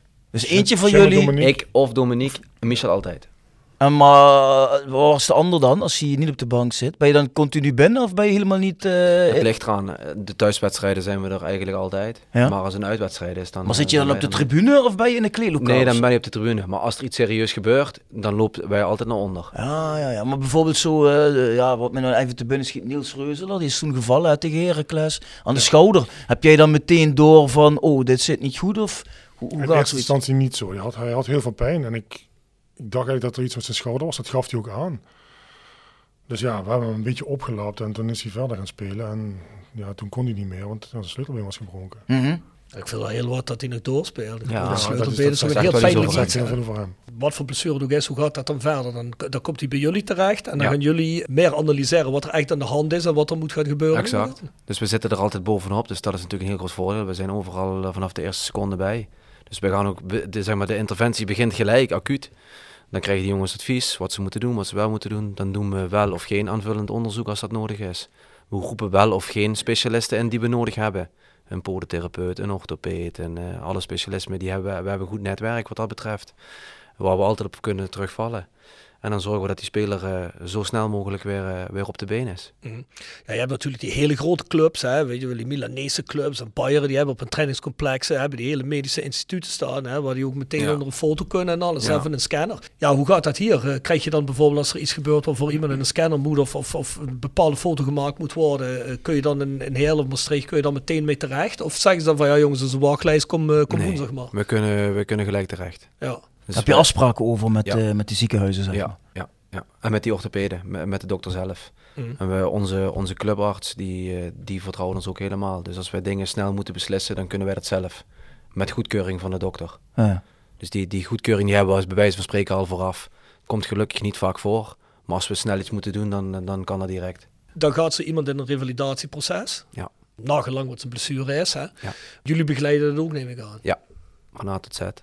Behandel, jullie stellen een be- behandelplan op, de, Ja. denk ik dan, hè? Ja, dus we, van alles wat er nodig is, vanaf het moment van blessure tot terugkeren, tot spelen. En als ze spelen, dan monitoren we ze ook continu om, om fit te blijven. Dat is ook wat wij doen. Maar jullie schatten dus ook, zeg maar, in het begin in van, ja, luister vriend, hier moet je rekening houden met drie maanden of zo. eh, Ja. Zo lang gaat dat duren. Maar uiteraard pinnen we ons nooit vast op een tijd. Want we doen het altijd zo snel mogelijk. Heb je bij Amazon Prime wel eens die, eh, die eh, real life docu gezien over Tottenham? Ik heb geen Amazon Prime. Ah, Oké, goed. Hebben jullie wel eens gezien? Nee. Nee, daar eh, is ook constant met de technische straf wordt gepraat. Hè? En eh, zit die technische straf eh, constant bij die fysio of bij die, eh, bij die hoofd van de medische sectie daar van eh, hoe lang nog, hoe lang nog? En zegt ja, deze week nog niet. En zo gaat dat het spelletje de hele tijd gaat. Ik weet niet meer om wie het gaat, het gaat om een belangrijke speler. Ja, ja. Die gast van de medische staf ook echt met die gast moet, met die, met die, met die trainer moet gaan zitten en zegt van ja, hij luister, je kunt me dat nou wel elke dag vragen, maar die jongen heeft minimaal nog twee weken nodig en dan moeten we zelfs kijken hoe en wat. En dat wordt dan zo'n rode draad wordt dat, dat ze elke Ja. keer wel een paar minuten hebben dat dat wordt ingezoomd, hoe die gast daar, eh, omdat hij zo ongeduldig is. Maak dat hier ook wel eens mee, echt? Dat een trainer echt heel ongeduldig is van, hey, jongens, eh, wanneer, eh, wanneer kan Tuurlijk, tuurlijk. Dat zeg ik net al. Je hebt tegenstrijdige belangen. Die trainer wil die speler zo snel mogelijk erbij hebben. En wij willen zorgen dat hij, als hij erbij komt, dat hij niet na twee weken er weer vanaf ligt. Ja. Want ja, je bent geblesseerd op een bepaalde plek, maar dat kan ook betekenen dat je voor de, voor de verder rest achteruit gaat qua fysieke gesteldheid. Mhm. Ja. Dus daar moet je ook rekening mee houden. Hey, dus en, het is en niet heel makkelijk, het is geen ABC'tje. Nee. do- doen jullie dat werk alleen voor de selectie of ook voor spelers voor de jeugdacademy? We doen nu werk alleen maar voor de selectie. En als, en als een jeugdspeler zeg maar een ernstige blessure heeft, eh, hoe wordt dat dan afgewikkeld? Moet hij via zijn eigen, zijn eigen arts of Nee, zo? dan is er een fysiotherapeut bij de jeugd. Ja. Ehm, en die fysiotherapeut die, die, die, die zorgt dat die, dat die speler de, de zorg krijgt die hij of zij eh, verdient. Of dat eventueel zelf doet, of dat uitbesteedt aan een andere fysiotherapeut. En uiteraard, als, de, als er dingen zijn waarbij, waarbij wij kunnen helpen, dan neemt hij contact met ons op. Er zit ook een stofberg in Calais, hè? Ja, klopt. Ja, klopt, klopt. Oké. Moesten we vaker naar Calais gaan, dan stel je dit soort vragen niet, jongen. Ja, maar de, kijk, de mensen die luisteren, die weten dat ook niet. Die willen dat ik dat soort vragen stel. Ah, Oké, goed. Hè? Nou ja, nee, oké, daar, heb je- heb wel een punt. Heb je wel een punt. Hey, hadden jullie nou onze Duitse jongen die eh, drie keer al zijn dinges heeft afgescheurd? Meijer. Meijer. Ja. Hadden jullie die laten spelen op dat kunstgrasveld eh, Ja. in Almelo? Ja? Zeker. Kan die dat? Ja. Dus dat is geen risico extra. Maar toen, toen die opgesteld was, toen de selectie zag staan, denk ik van oeh, die jongen die heeft nou de hele tijd weer op gras gespeeld. Iedereen zegt altijd, laat ik het de vraag in de andere richting induwen. Toen hier kunstgras lag, was dat echt zo desastreus voor spelers? Of zeggen jullie van, ah, dat is zwaar overtrokken geweest? Dat is zwaar vertrokken, denk ik. Ja? Kijk, je bent vooral aan een ondergrond. En het duurt ongeveer vier weken voordat je gewend bent aan die ondergrond. Dus wij adviseren altijd gewoon zo min mogelijk wisselen. Ook al zijn we, moeten we soms nog nu op dit moment op kunstgras spelen. Dan proberen we het zo min mogelijk te wisselen. Want van wisselen heen en weer, die ondergronden zijn anders. Daar krijg je toch wat fysieke pijntjes van. En Mhm. dat, is, dat is vervelend. Maar de kans dat je een kruisband scheurt op kunstgras is net zo groot als op gewoon gras. Ah, is het zo, Dus ja? daar is geen, geen evident verschil tussen die twee. Maar wa- wa- was er wel verschil met dat, met dat oude kunstgras, eerste, tweede generatie? Of, of Ja, de kwaliteit van de kunstgras die liggen nogal, die liggen nogal uit elkaar. Ro- Roel Brouwers had er toch heel veel last van, zei hij, hè? Van het kunstgras. Ja, dat klopt. eh, Ja, dat klopt zeer. X aantal jaar geleden. Maar ja, natuurlijk ook wel een, een geschiedenis van, die had een hele carrière achter zich Ja. met allerlei blessures. Ik kan me voorstellen dat je dan, eh, of zeg ik dat fout? Ja, dat, volgens mij valt het reuze mee. Volgens mij is Roel altijd heel vet geweest. Ja? Ja. En ook toen hij, to- toen hij hier, hier kwam, was Roel ook hartstikke vet. Ja. Alleen ja, dat, kun, dat kunstgras was, was moeilijk voor hem. Het ligt natuurlijk ook heel erg aan de speler. Hè. Voor, voor, eh, voor Benji Bouchouari is het geweldig. Ja. Voor een grote centrale verdediger is het wat moeilijker. Ja. Tenminste, voor de meeste. Ja, Florian Meijer, moet ik wel zeggen. Hoe knap is dat dat die jongen eh, toch weer zo'n niveau aantikt? Want ik zou denken, van drie keer de kruisbanden gescheurd. Ja, ik dacht, het is over. Dan ga je helemaal nooit meer voetballen. Dan richt je op een maatschappelijke carrière. Ja, vooral het, eh, het idee dat je drie jaar lang eh, continu moet eh, revalideren zonder dat je echt kan voetballen, want dat is wat die jongens natuurlijk leuk vinden. Dat is, dat is ja, ongekend dat hij dat zo heeft kunnen volbrengen en ook elke keer ja, met volle overtuiging. En ik zeg altijd tegen iedereen, fysiek is dat wel te doen, dat kan iedereen. Maar om dat mentaal elke dag op te brengen, om elke dag weer opnieuw dat hele riedeltje af te werken en te doen wat je niet leuk vindt, om uiteindelijk weer te kunnen doen wat je wel leuk vindt. Ja, dat is vooral knap. Maar eh, ja, goed, ik ben geen eh, medicus. Ik weet niet of jullie daar iets over mogen zeggen. Maar eh, blijft dat dan niet een zwakke plek of zo? Als je drie keer dezelfde kruisband hebt gescheurd. Ja, ja ik, weet, ik weet het niet. Ik zou dan zeggen van, ja, hoe groot is er niet de kans dat het de vierde keer gebeurt? Of is dat gewoon puur pech hebben? Nou, het lastige in te schatten bij Florian is, is dat die twee keer voorheen hebben wij niet meegemaakt. En dan kunnen we dus heel weinig over zeggen waarom dat, dat gebeurd is of wat voor status dat hij toen had. Ehm, dus ja, dat is best wel moeilijk in te schatten waarom dat, dat toen gebeurd is en of dat nog een keer kan gebeuren, ja of nee. Kijk, je weet überhaupt niet waarom iemand zijn kruisband afscheurt. Daar zijn wel, daar zijn, daar zijn ideeën en theorieën over, maar Ja. dat is niet een vastgegeven of zo. Maar als we dat vastgegeven hadden, dan konden we er heel makkelijk wel aan doen. En dan zouden niet zoveel voetballers nou eh, kruisband scheuren. Op allerlei niveaus, waarbij ze elke, elke millimeter volgen wat die jongens doen.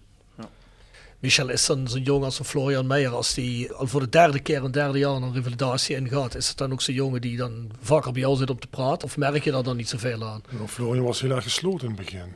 En toen hij weer een beetje ja, er bovenop krabbelde, kwam hij eigenlijk los. Toen het eind in zich was langzaam. Ja, toen hij weer eh, op het veld kwam en dan weer ja, langzaam kon gaan trainen op het veld. Ja, je moet je je voorstellen, hij was net hier. Hè. Hij, Ja, kon, hij kon hier helemaal niemand. Ja, Dus ja en dan volgens- word je meteen ook weer in het proces getrokken dat je ja, je kent, gaat helemaal uit het team. alleen. Je Ja. kent niemand, je kent niemand van de staf. Je moet die mensen dan maar beginnen te vertrouwen. Ja. Voor jou is het de derde keer. Dus eigenlijk het meeste heeft hij nog met jullie te maken gehad in het eerste jaar. Ja, dagelijks. Ja. Dagelijks. Maar het lijkt mij ook heftig als je daarna weer op het veld staat. Ja, je gaat weer een balletje trap, je gaat weer duels aan. Dat neem je toch een hele tijd in je achterhoofd mee, denk ik. Voordat je je weer vrij voelt om slijdings te maken en, eh, en noem maar op. Ja, zeker. Dat is ook een van de grootste factoren, omdat sommige mensen niet meer terugkomen op het niveau waar ze ooit gespeeld hebben, omdat ze dat in het achterhoofd houden en dat niet los kunnen laten. Mhm. Dus dat is best wel een belangrijk facet van de revalidatie, is in hoe zeker ben jij over je knie en hoe goed kun je daarmee zeg maar, dealen om weer te doen wat je graag wil doen. Zijn, zijn daar speciale behandeltechnieken voor op mentaal level? Die zijn er zeker, maar dat is dan niet per se ons vakgebied. Dus dat, moet, dat moeten we dan uitbesteden aan mensen die daar echt in gespecialiseerd zijn. Wij kunnen dan natuurlijk, zo goed als wij dat kunnen, eh, daarin ondersteunen en adviezen ingeven. Eh, en dat samen met jongens proberen op te lossen. Maar de echte specialisten die op dit gebied, die moeten daar eh, zeg maar echt mee aan de slag Sport, gaan. sportpsychologen. Ja, precies. Ted Troost, of hoe heet die vent? Ja, had je toch dat of niet? Die deed dat ook bij Feyenoord. Ja, volgens mij was dat niet echt een Was er een, hap, was er een? Ja. Ja, maar jij was er vroeger bij Emil Ja, Ratelband, of niet? Ja, ja, zeker. Tjaka. Tjaka! Ja, jawel, jawel. Nee, maar- nee, maar ja, ik kan me goed voorstellen dat er jongens zijn die daar een extra duwtje in de rug hebben als die een vertrouwenspersoon hebben waar ze mee kunnen praten. Ik vind dat er in de sport altijd een beetje minachtend over gedaan wordt. Zo van, eh, ja, je moet maar, eh, je bent een voetballer, je bent eens een grote jongen, weet je wel. Maar ja, niet iedereen is maar Shane Hans. En ik kan me voorstellen dat Shane Hans misschien vroeger ook wel eens een nu en dan wel eens tegen iemand had willen praten. Je ziet wel dat ze dit in de topsport steeds meer eh, gaan gebruiken om eh, mensen nog beter te krijgen Zeker. en om die procenten te winnen om echt op het hoogste niveau te komen. Want dat is vaak waar je zeg maar, de elite van de, van de subtop eh, scheidt. Dus de jongens die de, of de vrouwen die dat eh, het beste kunnen controleren of eh, beheersbaar voor zichzelf kunnen maken. Hoe vaak zal Zlatan met iemand praten, denk je? Ik denk niet zo vaak. Ik denk dat mensen met Zlatan komen praten. Dat Ja, denk ik. ja. Maar, maar ik vind dat wel echt knap. Op, op, op zo'n heel hoog niveau. Eh, bijvoorbeeld in een vol stadion een penalty gaan nemen. Oh, meen je hoe heftig dat is? Als je om je heen kijkt, je ziet er 60.000 lui. eh, jij moet even een beslissende pingel nemen. Zoals die Saka van, eh, van Arsenal Ja. eh, in die, Ja. in die Engeland finale. Ja. Ja, maar je hebt er ook bij, die schiet hem gewoon even rustig in het kruisingje. Dan denk ik van, dat, vind, dat ben je echt... En we vergeten vaak nog dat dat nog vaak hele jonge gasten zijn die toch best wel wat druk eh, op hun Ja. schouders krijgen van supporters, van club, van zaakwaarnemers, Ah, ja? van familie, van financieel wel of niet onafhankelijk spelen, media. Eh, dus we zien vaak wel mannen op het veld staan, maar het zijn vaak ook nog gewoon jonge gozers die misschien de eerste Ja. keer inderdaad eh, vanuit eh, ergens eh, hier naartoe komen, helemaal alleen wonen en dan moeten presteren. Ja, en jij zegt dat inderdaad voor topsport, maar jij duidt er al op, denk ik een beetje. Ik denk dat dat hier niet anders is. Je zit hier niet voor een, eh, voor een vol uh, Bernabeu, maar soms misschien ook wel een grotere druk als je hier maar voor 2000 man zit voor een tribune. Hè, op, een, op een slechte maandagavond tegen Jong of zo. En je weet, de punten moeten gepakt worden. En je, je weet, het team zit niet in de flow. En ja, eh, je weet dat van alle kanten gezeikt wordt. Jouw carrière moet ook vooruit. Zeker. Je bent hier, eh, en hè, als Roda dit jaar, eh, weet ik veel, 12 of 13 eindigt, weet je ook wel dat de teams bij jouw zaakwaarnemer ook niet aankloppen. Grote getalen. Dus ik denk dat dat allemaal meespeelt. Want hoe lang heeft een voetballer, denk je, als hij met 18 begint? Een jaar of 14? Ja, 15? 15. Ja. Dus Ik ja, denk dat dat toe gaat nemen. Ik denk dat je ziet dat die trend zie je ook wel, dat voetballers ouder worden, omdat er, dat ze, dat er beter voor ze gezorgd wordt en ze beter voor zichzelf kunnen zorgen. Kunnen natuurlijk tegenwoordig veel meer dingen meten en beter in kaart brengen dan Mhm. vroeger. En er wordt veel verantwoorder omgegaan met, met blessures en met, met, die- met, fysieke, met de fysieke gesteldheid van die jongens. Dus ik denk dat dat wel kan toenemen. Mhm. Tot een bepaald niveau. Ja. En ze beginnen ook steeds jonger. Hè? Kijk, Ja. als je vroeger zag dat spelers rond 4, 25 op hun top waren, zijn ze nou al eh 18, 19. Dan moet je al, eh, moet je al aardig eh, een potje kunnen ballen voordat je. Mhm. Ja. En fysiek wat kunnen... en fysiek wat kunnen kunnen bolwerken. Ja. Ja. Zeker. Five Aside. Gepresenteerd door Herberg de Bernardeshoeve. Weekendje weg in eigen streek?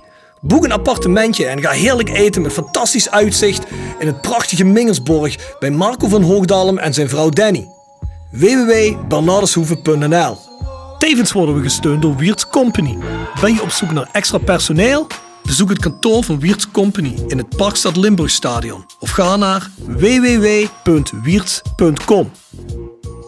Five aside. Five Aside. Oeh, dat wordt moeilijk. Iedereen eh, vijf spelers of eh, moeten ze ja. combineren? Ja, weet ik niet. Zeg, maar maakt mij niet Ja, veel mij uit. ook niet uit. Ja, volgens mij hebben we allemaal eh, aparte five-a-side gemaakt. Ah, kijk, je hebt eens een keer de gasten van tevoren verteld dat ze zich konden En we, voorbereiden. hebben ons, en, we hebben, gebeuren. en we hebben ons voorbereid, dat scheelt natuurlijk ook wel. Kijk, Kijk, Nick, Nick Vossenveld zal dat waarschijnlijk on the minute doen.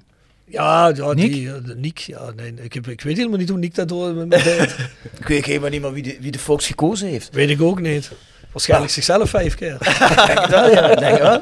Hey, we beginnen we bij Dominique. Ja, Dominique, laat me horen. Ja, ik heb ehm, Dylan Vente, Patrick Fluke, eh, Frederik Ananou, dan Roli Bonifacia en Timo Letschert.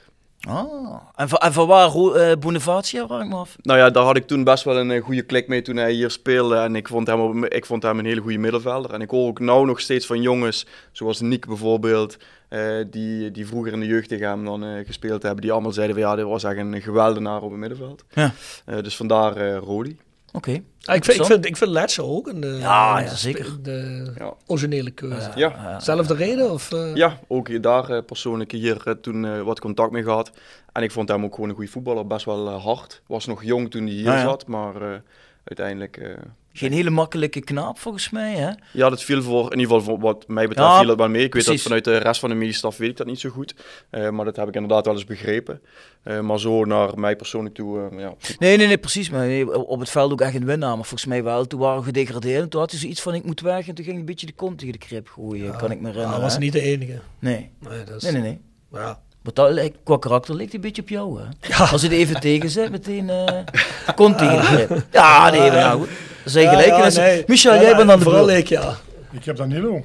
Danilo, de, de, de, de Portugees eh, Danilo. Ja. Ja, zeker. Gustafsson.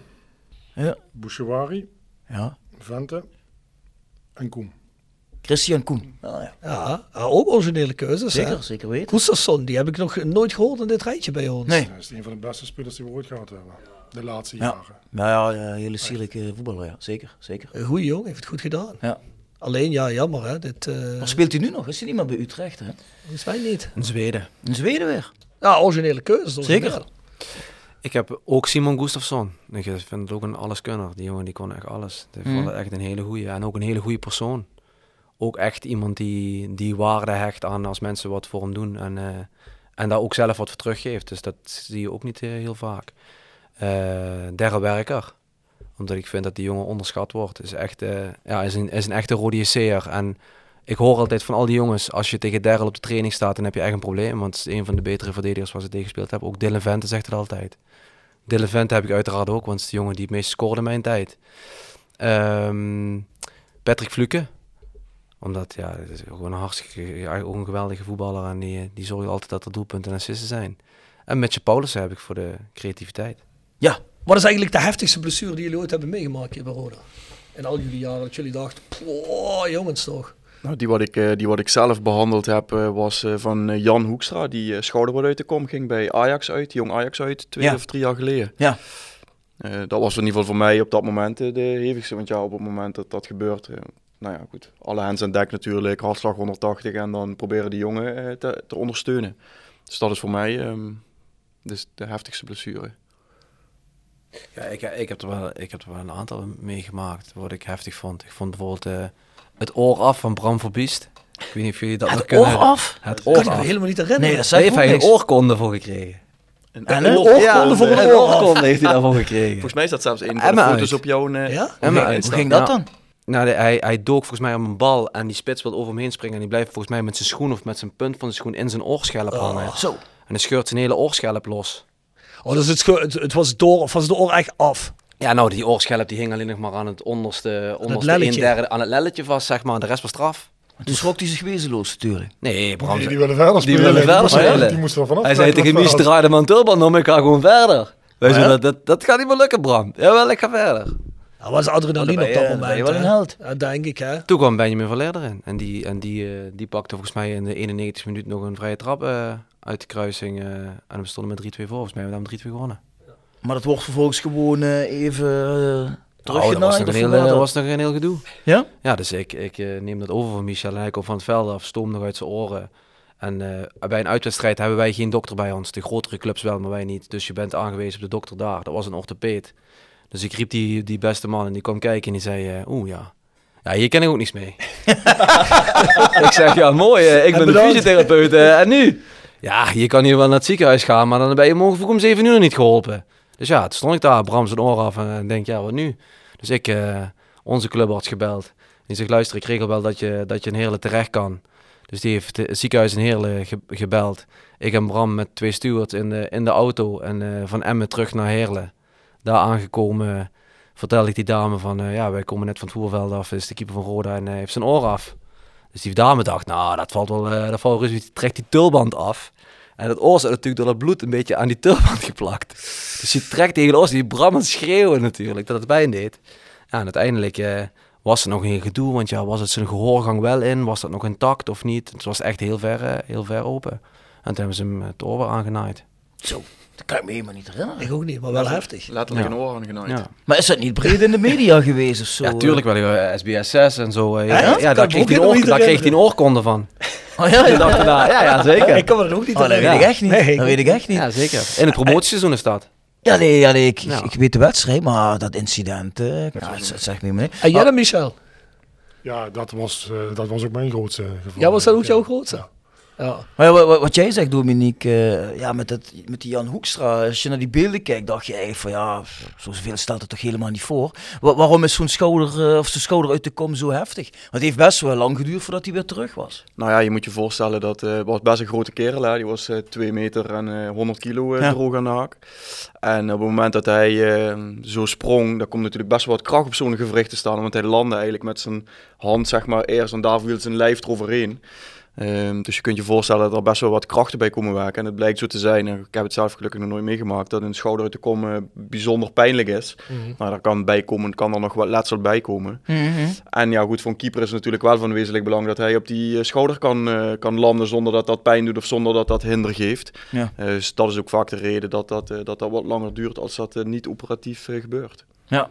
Tja, kan ik me nog herinneren. Ja, dat was Maar jullie hebben pech hem- hebben, hè? Jullie hebben hem niet eh, ter plekke. Nou, eh, ik, ik heb hem met een beetje geluk, moet ik wel zeggen, op het eh, veld terug kunnen zetten. Ja.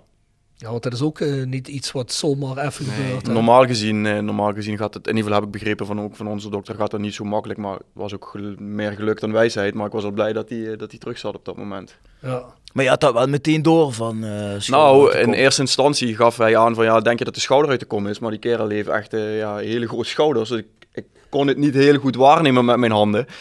Ehm, en uiteindelijk met die schouder gaan bewegen. En, eh, en toen eh, ja, knalde die op een gegeven moment terug. Gelukkig. Waar, eh, waar keept die jongen nog bij Groningen? Die zit ook niet meer op de bank, hè? Volgens mij bij. PEC.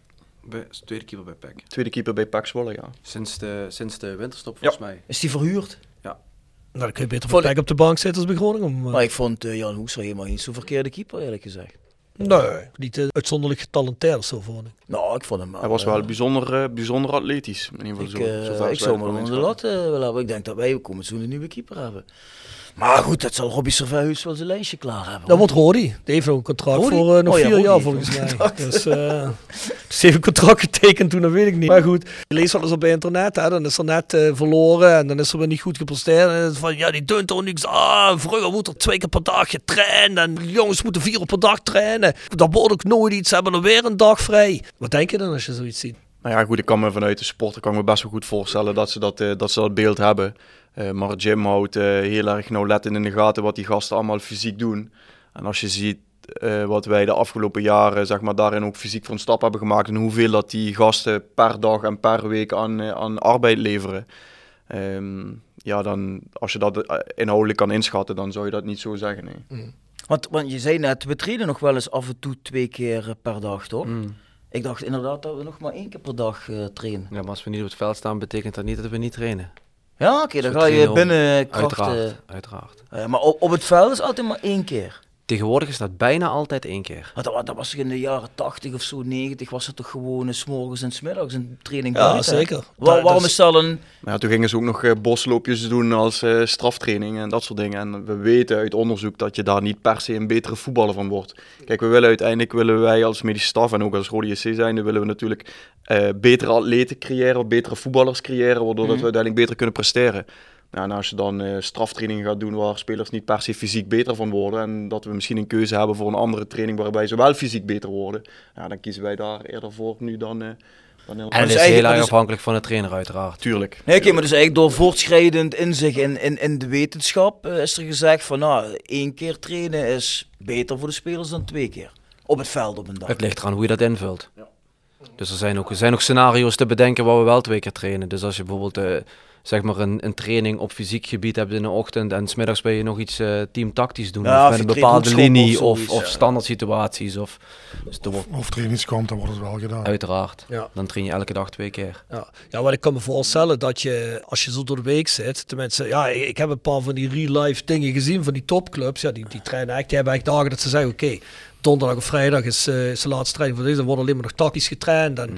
andere dagen wordt intensief getraind. Maar dat is ook bij, bij, bij die clubs, is dat echt één keer per dag trainen en dan überhaupt al misschien intensief. Ik bedoel, je hebt wel met topsporters te maken. Dus ik bedoel, het zijn wel al mensen die hebben een bepaalde vorm. Dus ik kan me voorstellen, als je die over de kling jaagt de hele week. En je gaat twee keer per dag ga je heel intensief trainen.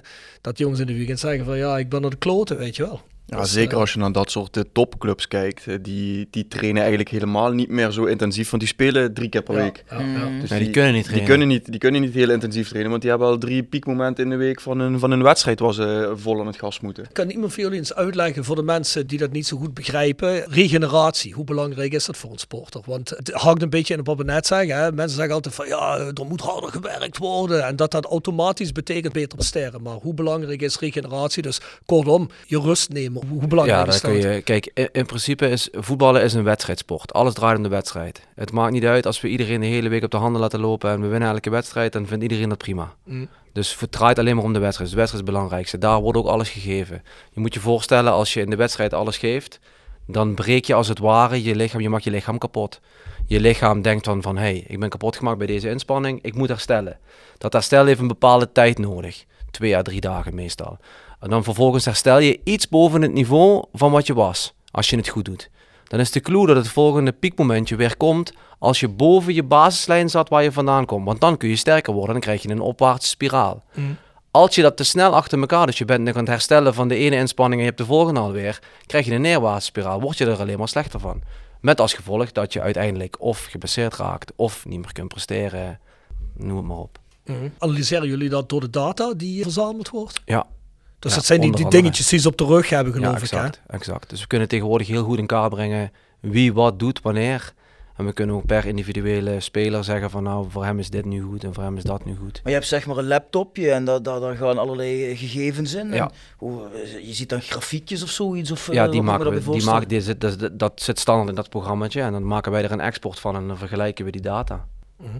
Dus heel vol, even zwart-wit gezegd, de wedstrijd is 100%.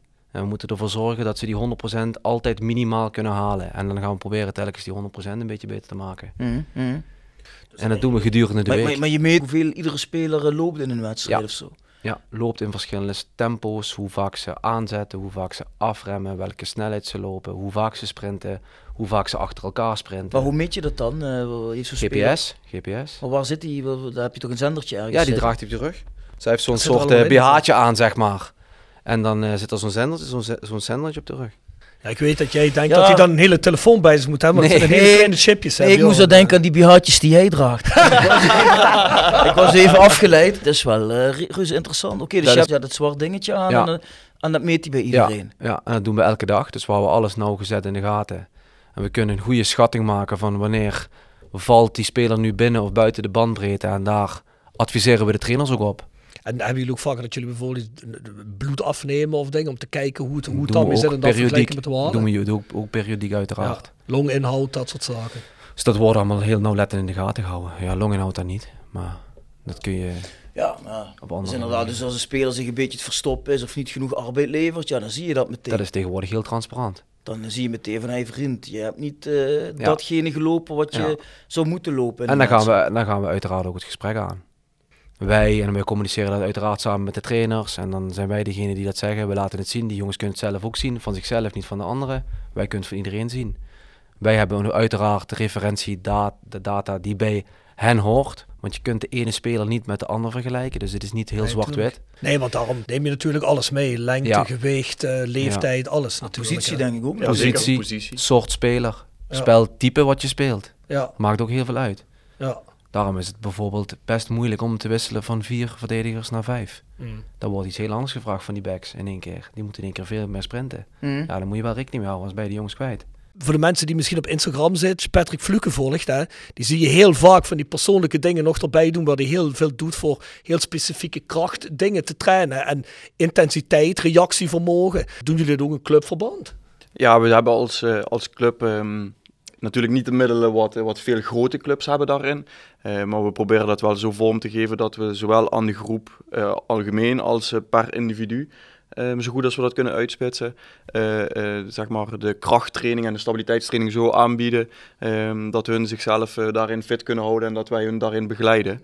Dan is altijd een beetje discussie, dat is denk ik ook wel in de voetbalwereld zo of ook in de fysiowereld zo, dat wat is het belangrijkste? Nou ja, wij vinden dat voetballen altijd het belangrijkste is, want je moet zo specifiek als mogelijk trainen. Eh, dus alles wat wij daarnaast doen is zeg maar faciliterend aan het voetballen. Eh, dus dat is onze visie daarop en zo proberen wij dat dan ook vorm te geven. Eh, maar wij eh, we hebben boven ehm, ja, pas een mooie nieuwe krachtruimte ingericht, eh, dankzij Mich en eh, Jim. En ehm, ja, daar kunnen die gasten dat, datzelfde werk doen als wat Patrick bijvoorbeeld ook doet. Ja. En jullie begeleiden dat? Yes. Ja. yes. Ja. Ja. Ja, dat is natuurlijk ook heel individueel per speler, gedeeltelijk gezien. Hè? Zeker. Sommige spelers hebben wat meer kracht nodig, anderen hebben wat meer stabiliteit nodig. Jonge spelers die moeten vaak fysiek heel erg wennen. Dus dan vinden wij dat je daar nog wat voorzichtiger mee moet zijn. Dat ze eerst aan het voetballen moeten wennen hè, op dit niveau. Ehm, Het gaat er vooral om dat je het de jongens zelf goed leert. precies. En tegenwoordig moet ik wel zeggen, zijn ze daar zelf ook redelijk van, goed van op de hoogte. Daar wordt natuurlijk ook aandacht aan, veel aandacht aan besteed in de jeugd. Ehm, maar je moet die jongens wat proberen te leren. Want als ze zelf niet begrijpen waarom ze iets wel of niet moeten doen, dan Ja, ja. heeft dat, is dat, heeft dat, heeft dat, dan is hetzelfde met eten. Dus daar, daar hanteren we eigenlijk dezelfde principes. Ze moeten Mhm. zelf leren wat goed voor ze is en waar hun, waar hun kansen en mogelijkheden liggen. Dat is het eigenlijk. En vooral wat voor hun zelf werkt. Kijk, want wat voor een eh, Dylan Vente wel of niet werkt, dat is anders dan eh, bij Niels Reuseler of eh, wie dan ook. Eh, dus ik denk dat het per individu ook nog wel heel erg verschillend is. En Ja. dus de ene jongen heeft wat meer van het een nodig en de andere jongen heeft wat meer van het ander nodig. Eh, dus het is geen, eh, geen eh, ja, standaard programma wat je aan Nee. iedereen kan meegeven. Ja. Zo werkt dat niet. En dan focus je heel erg op het fysieke. Je moet ook niet vergeten dat het een mens is. Dus je moet ook naar de rest kijken. Kijk, als iemand er doodongelukkig van wordt om aan die gewichten te hangen, kun je je afvragen of je daar heel veel tijd en energie bij moet besteden. Misschien kan hij zich dan beter concentreren op eh, wat extra beelden kijken met de trainer of eh, vrije trappen oefenen. Of, eh, dus daar, zit- daar, kun je, daar kun je wel heel wat van vinden, vind ik. Ja. Ja, ik vind het vooral jammer als er jongens zijn die erg talentvol zijn en die dan eigenlijk eh, ja, niet bereid zijn om extra in zichzelf te investeren. Dat is een zonde van je talent. En om niet te letten op je voeding of wat krachttraining extra erbij te doen. Je wilt toch eigenlijk, of je zou eigenlijk in die, die 15 jaar, wat jij net zegt, toch het maximale eruit willen halen. Dan moet je wat voor over hebben natuurlijk. En het is tegenwoordig, tegenwoordig is dat eh, hartstikke goed, moet ik zeggen. Ja, want ook wat jij net aanhaalde, hè, dat er mensen willen zijn die zeggen, oh, er is alweer niet gewerkt vandaag. En ik denk, dat dat, ik denk dat dat vooral ligt aan, dat als het wel eens overkomt bij jongens, dat er misschien ook te, te maken heeft van een bepaalde lichaamshouding. De een loopt wat nonchalanter als de ander en dan is het Zeker meteen, die zet zich niet in. Weet je, want ik, ik geloof er ook echt niet in dat jij, tenminste ik mag ook hopen dat een, als dat al een speler zou doen, dat dan een trainer zegt allemaal eruit. Want ja, je laat toch niemand erin staan die dat echt zou doen. Ik geloof ook niet dat dat gebeurt. Ik bedoel, hoe vaak hebben wij niet met Ja, ik- gepraat ik- en dat Niek ook zegt. Ook buiten de podcast, dan. iedereen kan wat hij wil, maar ik garandeer je dat dat niet zo is. En dat geloof ik ook wel. Ja, dat- Ja, die garantie kunnen wij ook geven. Ja, 100%. Nee, maar wat, wat ik wel gek vind, weet je, op, op Viaplay, die zenden alle wedstrijden uit in de tweede Bundesliga. Hè? En die kijk ik wel eens regelmatig. Maar dat lijkt net, misschien is het wel helemaal niet zo, maar oh, daar wordt gerend, gevlogen. Er is continu voor beide doelen actie. Je ziet daar vliegende tijden. denk ik, is dat nou een ander soort voetbal? Of rennen die ook echt meer dan, dan wij hier in een KKD voorgeschoten krijgen? Ja, ik ken het wel, dat soort wedstrijden toch? Ja, het is echt eh scherps van de snede iedere keer. Zeker, maar ik denk dat dat ook iets te maken heeft met, met alle aspecten. Hè. Dat zijn ook spelers van een hoger niveau. Als je naar de Premier League gaat kijken, dat gaat nog sneller. Bundesliga Ja. gaat ook nog sneller. Dus ik denk dat dat gewoon het vermogen is om een tactisch plan veel sneller en perfecter te kunnen omzetten, omdat je dat talent en die fysieke gesteldheid Maar hebt. dus ook inderdaad die, die motor met meer inhoud waar jij het net over had. Ja, en dan kom je op een hoger niveau. Maar je zou, je zou denken dat die kilometers heel erg uit elkaar liggen, maar dat is niet zo. Nee? Iedereen rent ongeveer tussen de 10 en 12 kilometer. Er zijn natuurlijk wel wat uitzonderingen die er 13 of 14 een keer lopen. Oh ja. Maar vooral de, het tempo waarin je loopt binnen die 10 kilometer, dat is bepalend voor het niveau. Ja, ja, ja. ja. Ja. Ah, interessant. Nou ja, en dat is precies ook wat jij zegt, denk ik. Hè. En als je niet genoeg eh, in een wedstrijd hebt gerend ten opzichte van een ander team, hè, dan gaat Erik ten Hag met jou eh, een, eh, een langdurige loop doen over de aantal kilometers. Ja, terwijl ze volgens mij is er deze week of een paar weken geleden is er een artikeltje uitgekomen over het afgelopen WK. En dan over de kilometers, zeg maar, die teams gemiddeld gelopen hebben ten opzichte van de plaats op de, op de eindlijst, zeg maar. En dan bleek het zo te zijn dat de teams die minder hadden gelopen niet per se lager op de lijst eindigen. Nee. Dus het, eh, ja, dus het, eh, ah, per wedstrijd is het natuurlijk heel erg verschillend. Hè? Want als jij heel erg veel bal hebt op de helft van de tegenstander, loop je misschien al een stuk minder.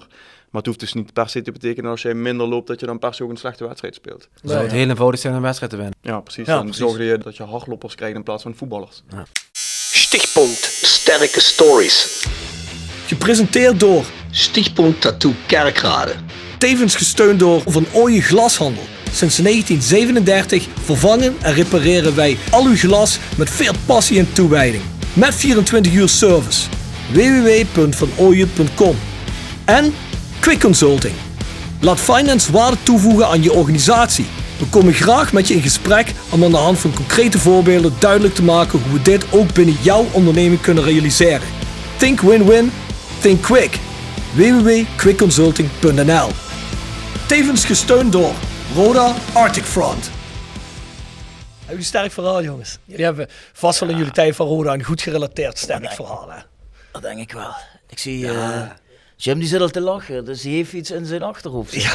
Ja, ja, er zijn meerdere sterke verhalen, maar ik geef, mijn, ik geef het woord eerst aan, aan mijn collega's. Mies heeft nog niet zoveel gezegd, die mag eh afspreken bij sterke verhaal, Mies. Ja, ik heb niet echt een sterk verhaal. Ik, eh, ja, het is een bekend verhaal. Het uh, trainingskamp in, eh, in Portugal. Oefenwedstrijd geregeld. Moesten we drie uur in de bus zitten. Komen daar aan. Dramatisch slecht veld.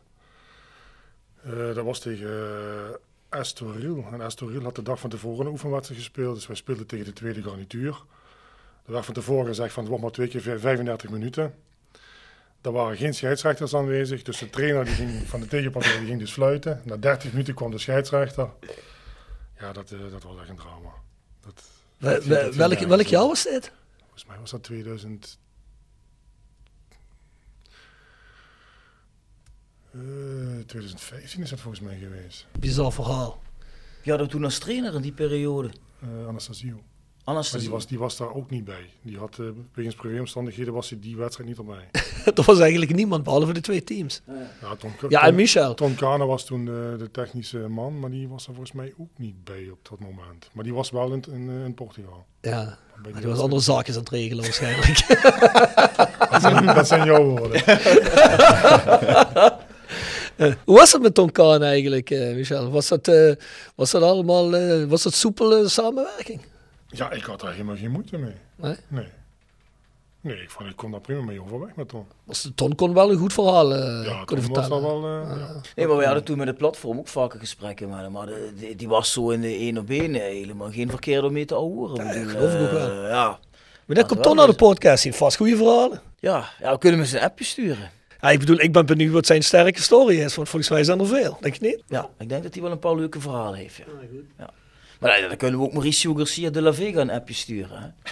Denk je dat hij nog komt? Ja, dat weet ik niet, maar ja, nee, heb je, ja, kun je krijgen. Hè? Ik heb wel gehoord dat we, ehm, hoe heet die nou, eh, die hier nog kort heeft gezeten, hoe heet die nou, die eh, met Van As meekwam. Of eh, Van As, die, die Van As hier binnen uh, Weet je nou man, die gast met die restaurants. Ogenheld. Ogenels. Hogenelst. Enkel zegt tegen mij, Ogenels, die wil wel. Oh ja? Ja, dus, Ja, dan moet Engo dat regelen. ja, lijkt me een goed verhaal. Jongens, iemand van jullie nog een sterk verhaal? Ja, ik, ik, denk, ik denk nog een leuk verhaal is eh, Ja? de, de, de finale dag eh, tegen NAC. We hadden het hele jaar een vaste buschauffeur uiteraard. Maar bleek op de dag dat, we, dat, dat de vaste buschauffeur eh, ons zou rijden naar, naar Breda, werd hij ontslagen. De buschauffeur. De buschauffeur. Dus toen kregen wij ineens een, een vervangende buschauffeur. Alleen ja, die had natuurlijk geen flauw idee hoe dat een beetje werkte met, eh, met, met de voetbalclub. Dus daar, was, daar zaten we wat haken en ogen aan. Die werd ontslagen op de dag van die finale. Ja, Dat is een opmerkelijk tijdstip. ja dat is, oh, is ja, een kwestie van timing. Ja, eh, lang verhaal kort. eh, toen we uiteindelijk weer de bus in moesten na de wedstrijd, ja, toen bleken alle ramen van die bus in te zijn gegooid. Want daar had de bus niet op de goede plek gezet. Ja, Ja, toen ja. moesten we, eh, en het waren gelukkig, gelukkig was het zo'n soort eh, dubbel gelaagde veiligheidsglas of zo. Dus de buitenkant lagen alle ramen eruit en toen moesten we nog terug. Dus ik denk dat dat wel een leuk Maar ja, op dat is. moment boeide je dat niet meer Dat maakte ons hè? niet zo heel veel meer uit. Nee, nee, nee, nee. Nee, nee, denk ook niet. Denk, dat- denk dat, eh, dat je op de helft van de rit sowieso eh, niks meer uitmaakt. hè. Nee, nee. Nee, en hier vanaf, hier vanaf het stadion naar het stadhuis eh, zaten we met, eh, ja, volgens mij met eh, 300 mensen in de bus. Alle familie, alle kinderen, iedereen erin. Eh, Ja. dat was in ieder geval goed voor. Ja, mooi. Dat klopt. Ja, mooi. Heb jij er nog één of eh schaal je gewoon hierbij? Nou ja, ik heb, ik heb er nog wel eentje. Ehm, eh, de, voor de mensen die, die Mies kennen, ja, Mies is best wel een, eh, een, eh, grote kerel. En ehm, hij, is, hij staat altijd bij ons bekend als eh, heel rustig. Eh, maar op het moment eh, dat, er, dat Mies iets zegt, dan wordt het ook vaak voor waarheid aangenomen en dan gaat iedereen daarin mee. Eh, dus wij hadden met een trainer hadden wij inderdaad wel een soort eh, strubbelingen her en der. En die was niet zo groot van stuk, die man. En ehm, uiteindelijk, ja, bij ons in de medische ruimte, daar komen vaak veel mensen samen. Ehm, dus eh, die eh, beste man die ging eh, naast Michel staan en die kwam tot de tepelhoogte ongeveer. En die keek Michel dus met, zijn, met zijn ogen aan en die zei van ja luister, ik denk dat wij voor het einde van het seizoen met z'n tweeën nog gaan knuffelen. Dus Jim en ik zaten daar in die ruimte. Wij dachten, oeh, dit is een goede opmerking. Dus Michel die kijkt naar beneden toe. Is een beetje als Bud Spencer, zeg maar, die naar beneden kijkt op zijn slachtoffer. En die zegt, nou, ik denk het niet. Ja, op dat moment, ja, de temperatuur zakte met 30 graden in die ruimte. En wij, eh, Jim en ik, wisten niet waar we heen moesten kijken.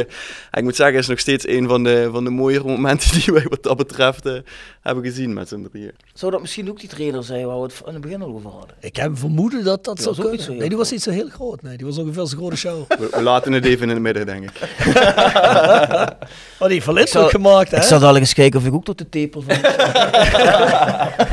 Hey, als eh, besluitende vraag, man. eh, dit seizoen is denk ik over. Maar wat gaan we doen eh, met Roda volgend Volgens seizoen? Motelen niet, toch? Die zit er nog heel in. Ja, die zit er nog heel in. Wat gaan we volgend seizoen doen met Roda? Dat is, eh, dat is afwachten, maar wij gaan ervan uit dat we, dat we mee kunnen doen om de bovenste plaatsen. Dat zul, je altijd, dat zul je altijd moeten verwachten, denk ik. Ja, hopen. Toch in ieder geval, hè? Ja. Dus, Alleen ja, dat is uit onze handen, denk ik. Wij kunnen, daar, daar, daar hebben wij geen... eh, Nee. Wel gedurende het seizoen hebben wij daar invloed op, maar voor, eh, vooraf aan het seizoen eh, hebben we daar niet heel veel invloed ja, op. ik, ik denk ook eh, veel, veel wisseling in de selectie. Hè? Veel gehuurde jongens geweest. Dus Ik twijfel geen moment aan de lijstjes van Robbie Servet, dus ehm, nee, Ik dat, ook dat, niet. Dat, dat wordt eh, twee, drie, vier, als ze pech hebben, vijf, maar lager niet. ja, Nou, daar tekenen we, tekenen we Denk graag voor. Hè? ja, daar tekenen wij ook graag voor. Hier, hop. Oh, ja, Robbie Servet. Krabbeltje. Ja. Robbie Hey, Robbie die moet ook op Ja, ik neem aan podcast. dat je dat Joris zo lang gevraagd hebt, of niet? Waarom moet ik dat Joris vragen? Joris hoeft niet te komen. Robbie Nee, moet komen. Nee, maar heb je het nummer van Robbie Servet dan? Ah, dat vogelen we wel uit. Dat komt wel goed. Kom wel achter, hè? Ja, jawel, jawel, jawel. Maar, eh, maar- maar ik, ik heb wel eh, een paar leuke ingezonde vragen gezien voor Robbie Servet. Oh ja? Ja, ja. Op Facebook. Ook ja. Eentje was ehm, eh, Blijerheide of het Friedhof. En dan moet hij zo een paar keuzes maken, weet je wel. Dat zou een nieuwe rubriek kunnen zijn. Ja, ja. Maar dan moet Robbie wel goed nadenken wat hij zegt Ik natuurlijk. denk niet eens dat hij weet wat Blijerheid is. Stopt goed. Hij zou vrienden van de podcast eh, Ja, bedanken. eh, Nadat we t- deze heer hebben bedankt voor de komst. Ja, het was, ja, ik vond het heel leerzaam. Ja, ik ook. En gezellig. Wat dingen gehoord eh, ja, die ik niet wist op medisch vlak. Ze zijn wel wat wijzer geworden, denk ik. En ik hoop iedereen buiten, eh daarbuiten ook. Hè? Want ja, ik denk dat er toch wel soms een, een, aantal misverstanden zijn over vooral hè, de manier waarop getraind wordt, de manier waarop gerevalideerd wordt, et cetera, et cetera. Dus ik, Ja. ik vind het wel goed dat mensen dat eens eh, gehoord hebben van de mannen die er ook allemaal mee bezig zijn. Dus vanaf nu mogen wij nooit meer op Facebook lezen, die spelers rennen niet genoeg. Dat kan niemand meer zeggen. In ieder geval niet als je naar deze podcast luistert. Nee. Goed. Nou, vrienden van de podcast. Jegers en Terling Advocaten. Nextdoor Kapsalon Nagel en Beauty Salon. Hotelrestaurant Vellerhof. Herberg de Bernardeshoeve. Noordwand. Rapi Autodemontage. Van Ooyen Glashandel. Quick Consulting. Wiertz Company. Fendo Merchandising. Nederlands Mijnmuseum. Rode Support. PC Data. Metaalgieterij van Gilst. Willeweber Keukens. Stichtpunt Tattoo Kerkrade. TVOK Support Noord. En Roda Arctic Front. Roda fans uit. Heren, zeg het maar. Scandinavië. Ze weten het ook wel niet. Dat valt dan weer tegen. Valt weer tegen, ja. The Voice of Calais at south16.com is ons mailadres. South16.com is onze website. En petjeaf.com, schuine streep naar voren, The Voice of Calais. Daar vind je de Voice Matchday. Ga je daar abonneren en luisteren. En dan zou ik zeggen, tot volgende week. Adieu.